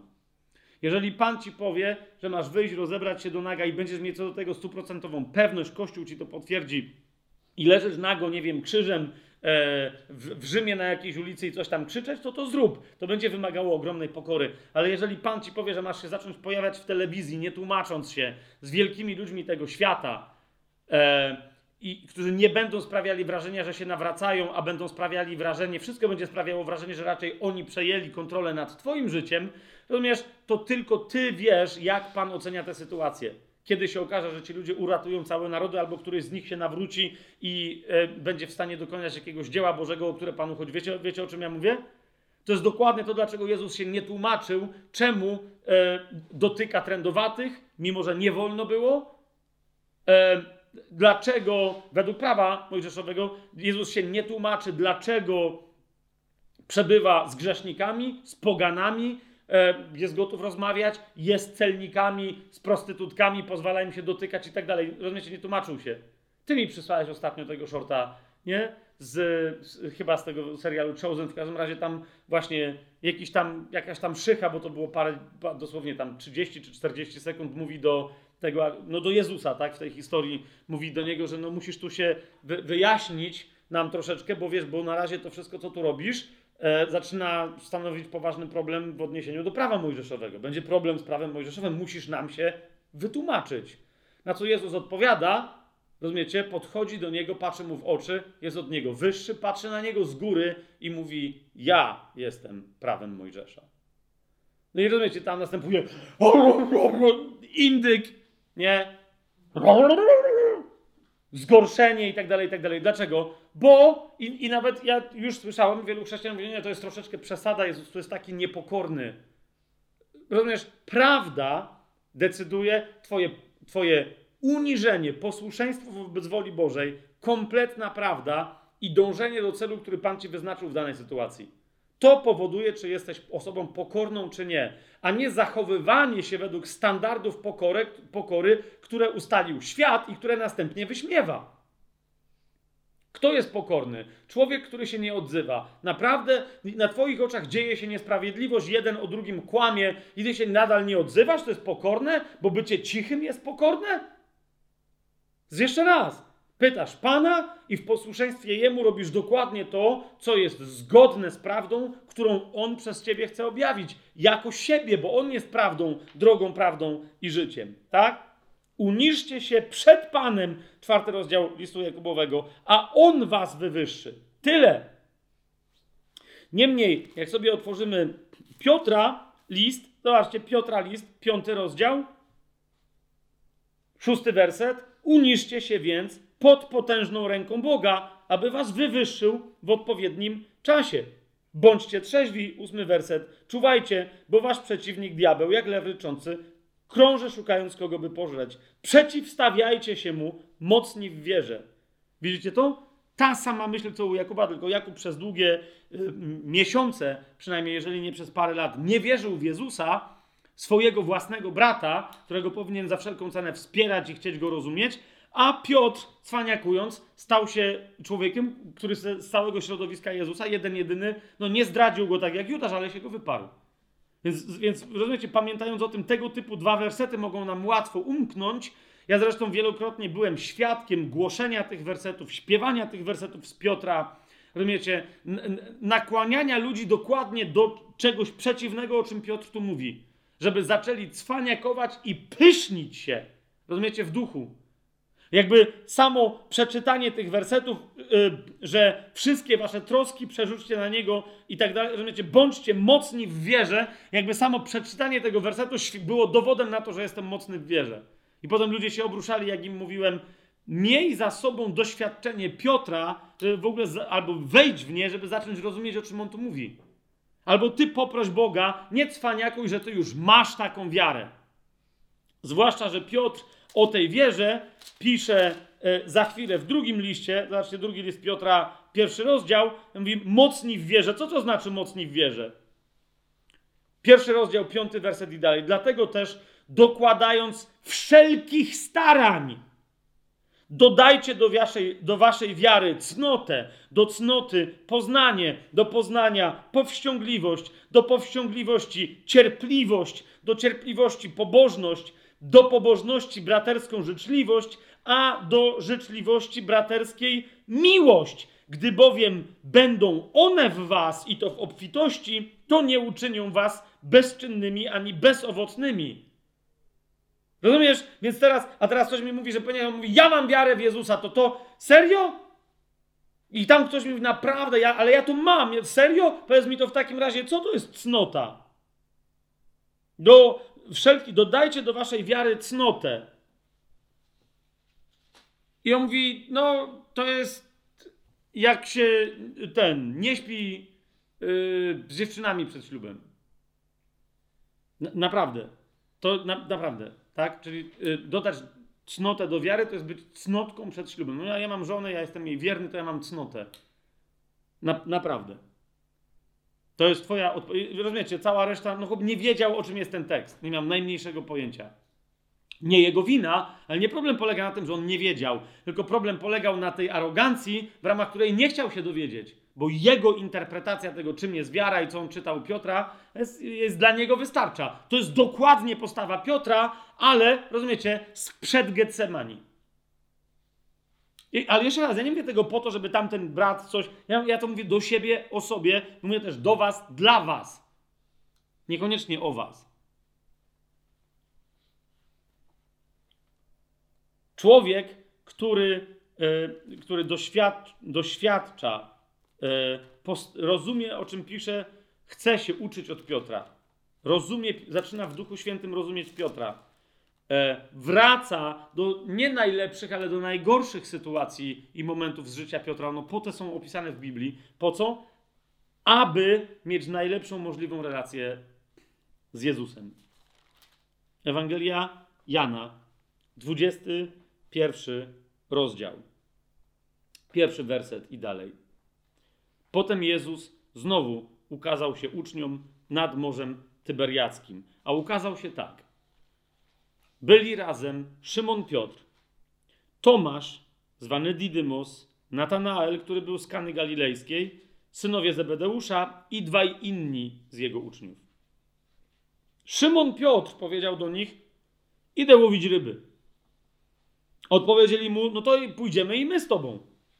Poszli więc i szybciutko wsiedli do łodzi, ale tej nocy nic nie złowili. A gdy już nastał ranek, Jezus stanął na brzegu. Uczniowie jednak nie wiedzieli, że to Jezus. Wtedy Jezus zapytał ich: Dzieci. Pamiętacie pytanie Filipa z ostatniej wieczerzy? Kto się wtedy odezwał? Ja wiem, że tu stoi Jezus, ale pytanie brzmi: kto to mówi? Kto mówi do dzieci, dzieci? Wtedy Jezus zapytał ich: Dzieci, czy macie co jeść? Odpowiedzieli mu: Nie mamy. Na to on powiedział do nich: Zarzućcie sieć po prawej stronie łodzi, a znajdziecie. Zarzucili więc i nie mogli jej wyciągnąć z powodu mnóstwa ryb.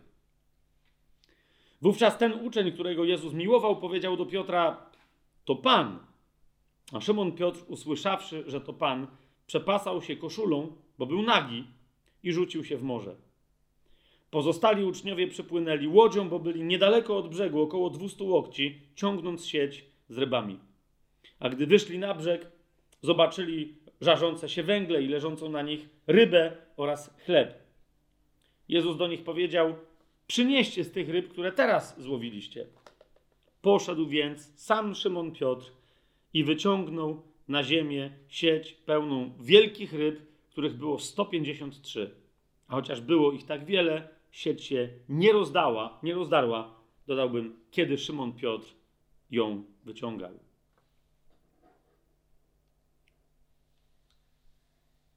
Nie będę czytał dalej,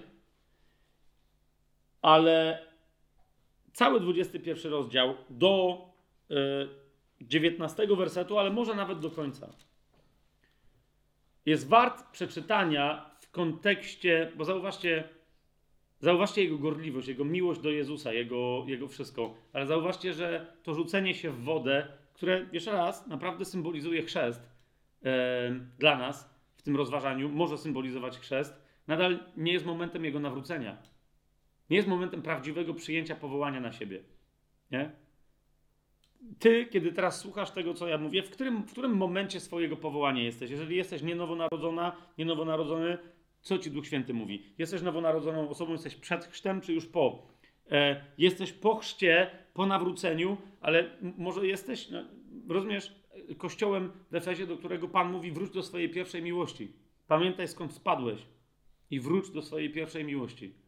To jest to, co tutaj robi Szymon Piotr. Teraz ktoś powie, ja już miałem takie doświadczenie. Słuchajcie, to, to czym dzisiaj chcę skończyć, to, to jest to, co się stało zaraz po tym, jak Jezus powiedział mu, dobrze, jeszcze raz akceptuję to, widzę, że mnie kochasz, chcesz za mną pójść, a ja cię powołuję. I zobaczcie, co się wtedy stało. 21 rozdział, 19 werset. Powiedział to, yy, prorokuje mu Jezus, żeby mu dać znać, jakąś śmiercią miał uwielbić Boga, a to powiedziawszy, rzekł mu, pójdź za mną. I teraz co robi Piotr? Znowu nie idzie za Jezusem. Nie? Ma kolejne doświadczenie, w ramach którego obraca się na drugiego gościa i mówi, a Piotr odwróciwszy się, to jest bardzo istotne, to, to odwróciwszy się, zobaczył ucznia, którego Jezus miłował, idącego za nim. Nie wiem, czy wiecie, co się tu dzieje. Oni bo już szli. Nie? On mówi, pójdź za mną. Co on powinien zrobić? Zobaczyć, ko- zobaczył kogoś, kto dokładnie to robi, co Jezus jemu powiedział. Przyłączyć się do niego, zamknąć japę i iść, bo Jan za nim szedł. Cały czas. Odwróciwszy się, zobaczył ucznia, którego Jezus miłował, idącego za nim, który też przy wieczerzy położył się na jego piersi i, pytał, tak? Gdy więc Piotr go zobaczył, zapytał Jezusa, Panie, a co z nim? I teraz, nieważne nawet, co teraz Jezus mówi o, o Janie, ale istotne jest, co mówi Piotrowi. Jezus mu powiedział, jeżeli chcę, żeby on został, aż przyjdę, co tobie do tego? I teraz, teraz dopiero to powiem. Tu jest właściwy moment powołania, bo Piotr się znowu kapnął, że znowu się rozprasza czymś. I Jezus do niego mówi: Ty pójdź za mną. Ty pójdźesz za mną. Nie obracaj się na innych, czy idą, czy co, co się będzie z nimi działo. Ty pójdź za mną. Ty masz być wpatrzony w tył mojej głowy, w moje plecy, w to, jak wyglądają moje łydki, a jak se klęknę, jak wyglądają podeszwy moich butów, masz stać za mną, nie obok mnie. Idź za mną. Idź za barankiem, dokądkolwiek e, pójdzie. To jest pierwsza część istotna życia e, Szymona Bariony, zwanego Kefą, zwanego Piotrem. E, w przyszłym tygodniu rozważymy drugą część, bo nadal on nie wychodzi ze szkoły Jezusa. Zostaje w niej, a dołącza nauczyciel tam bardzo poważny, którym jest Duch Święty, z którym się wcześniej znali, ale dołącza w zupełnie nowy sposób.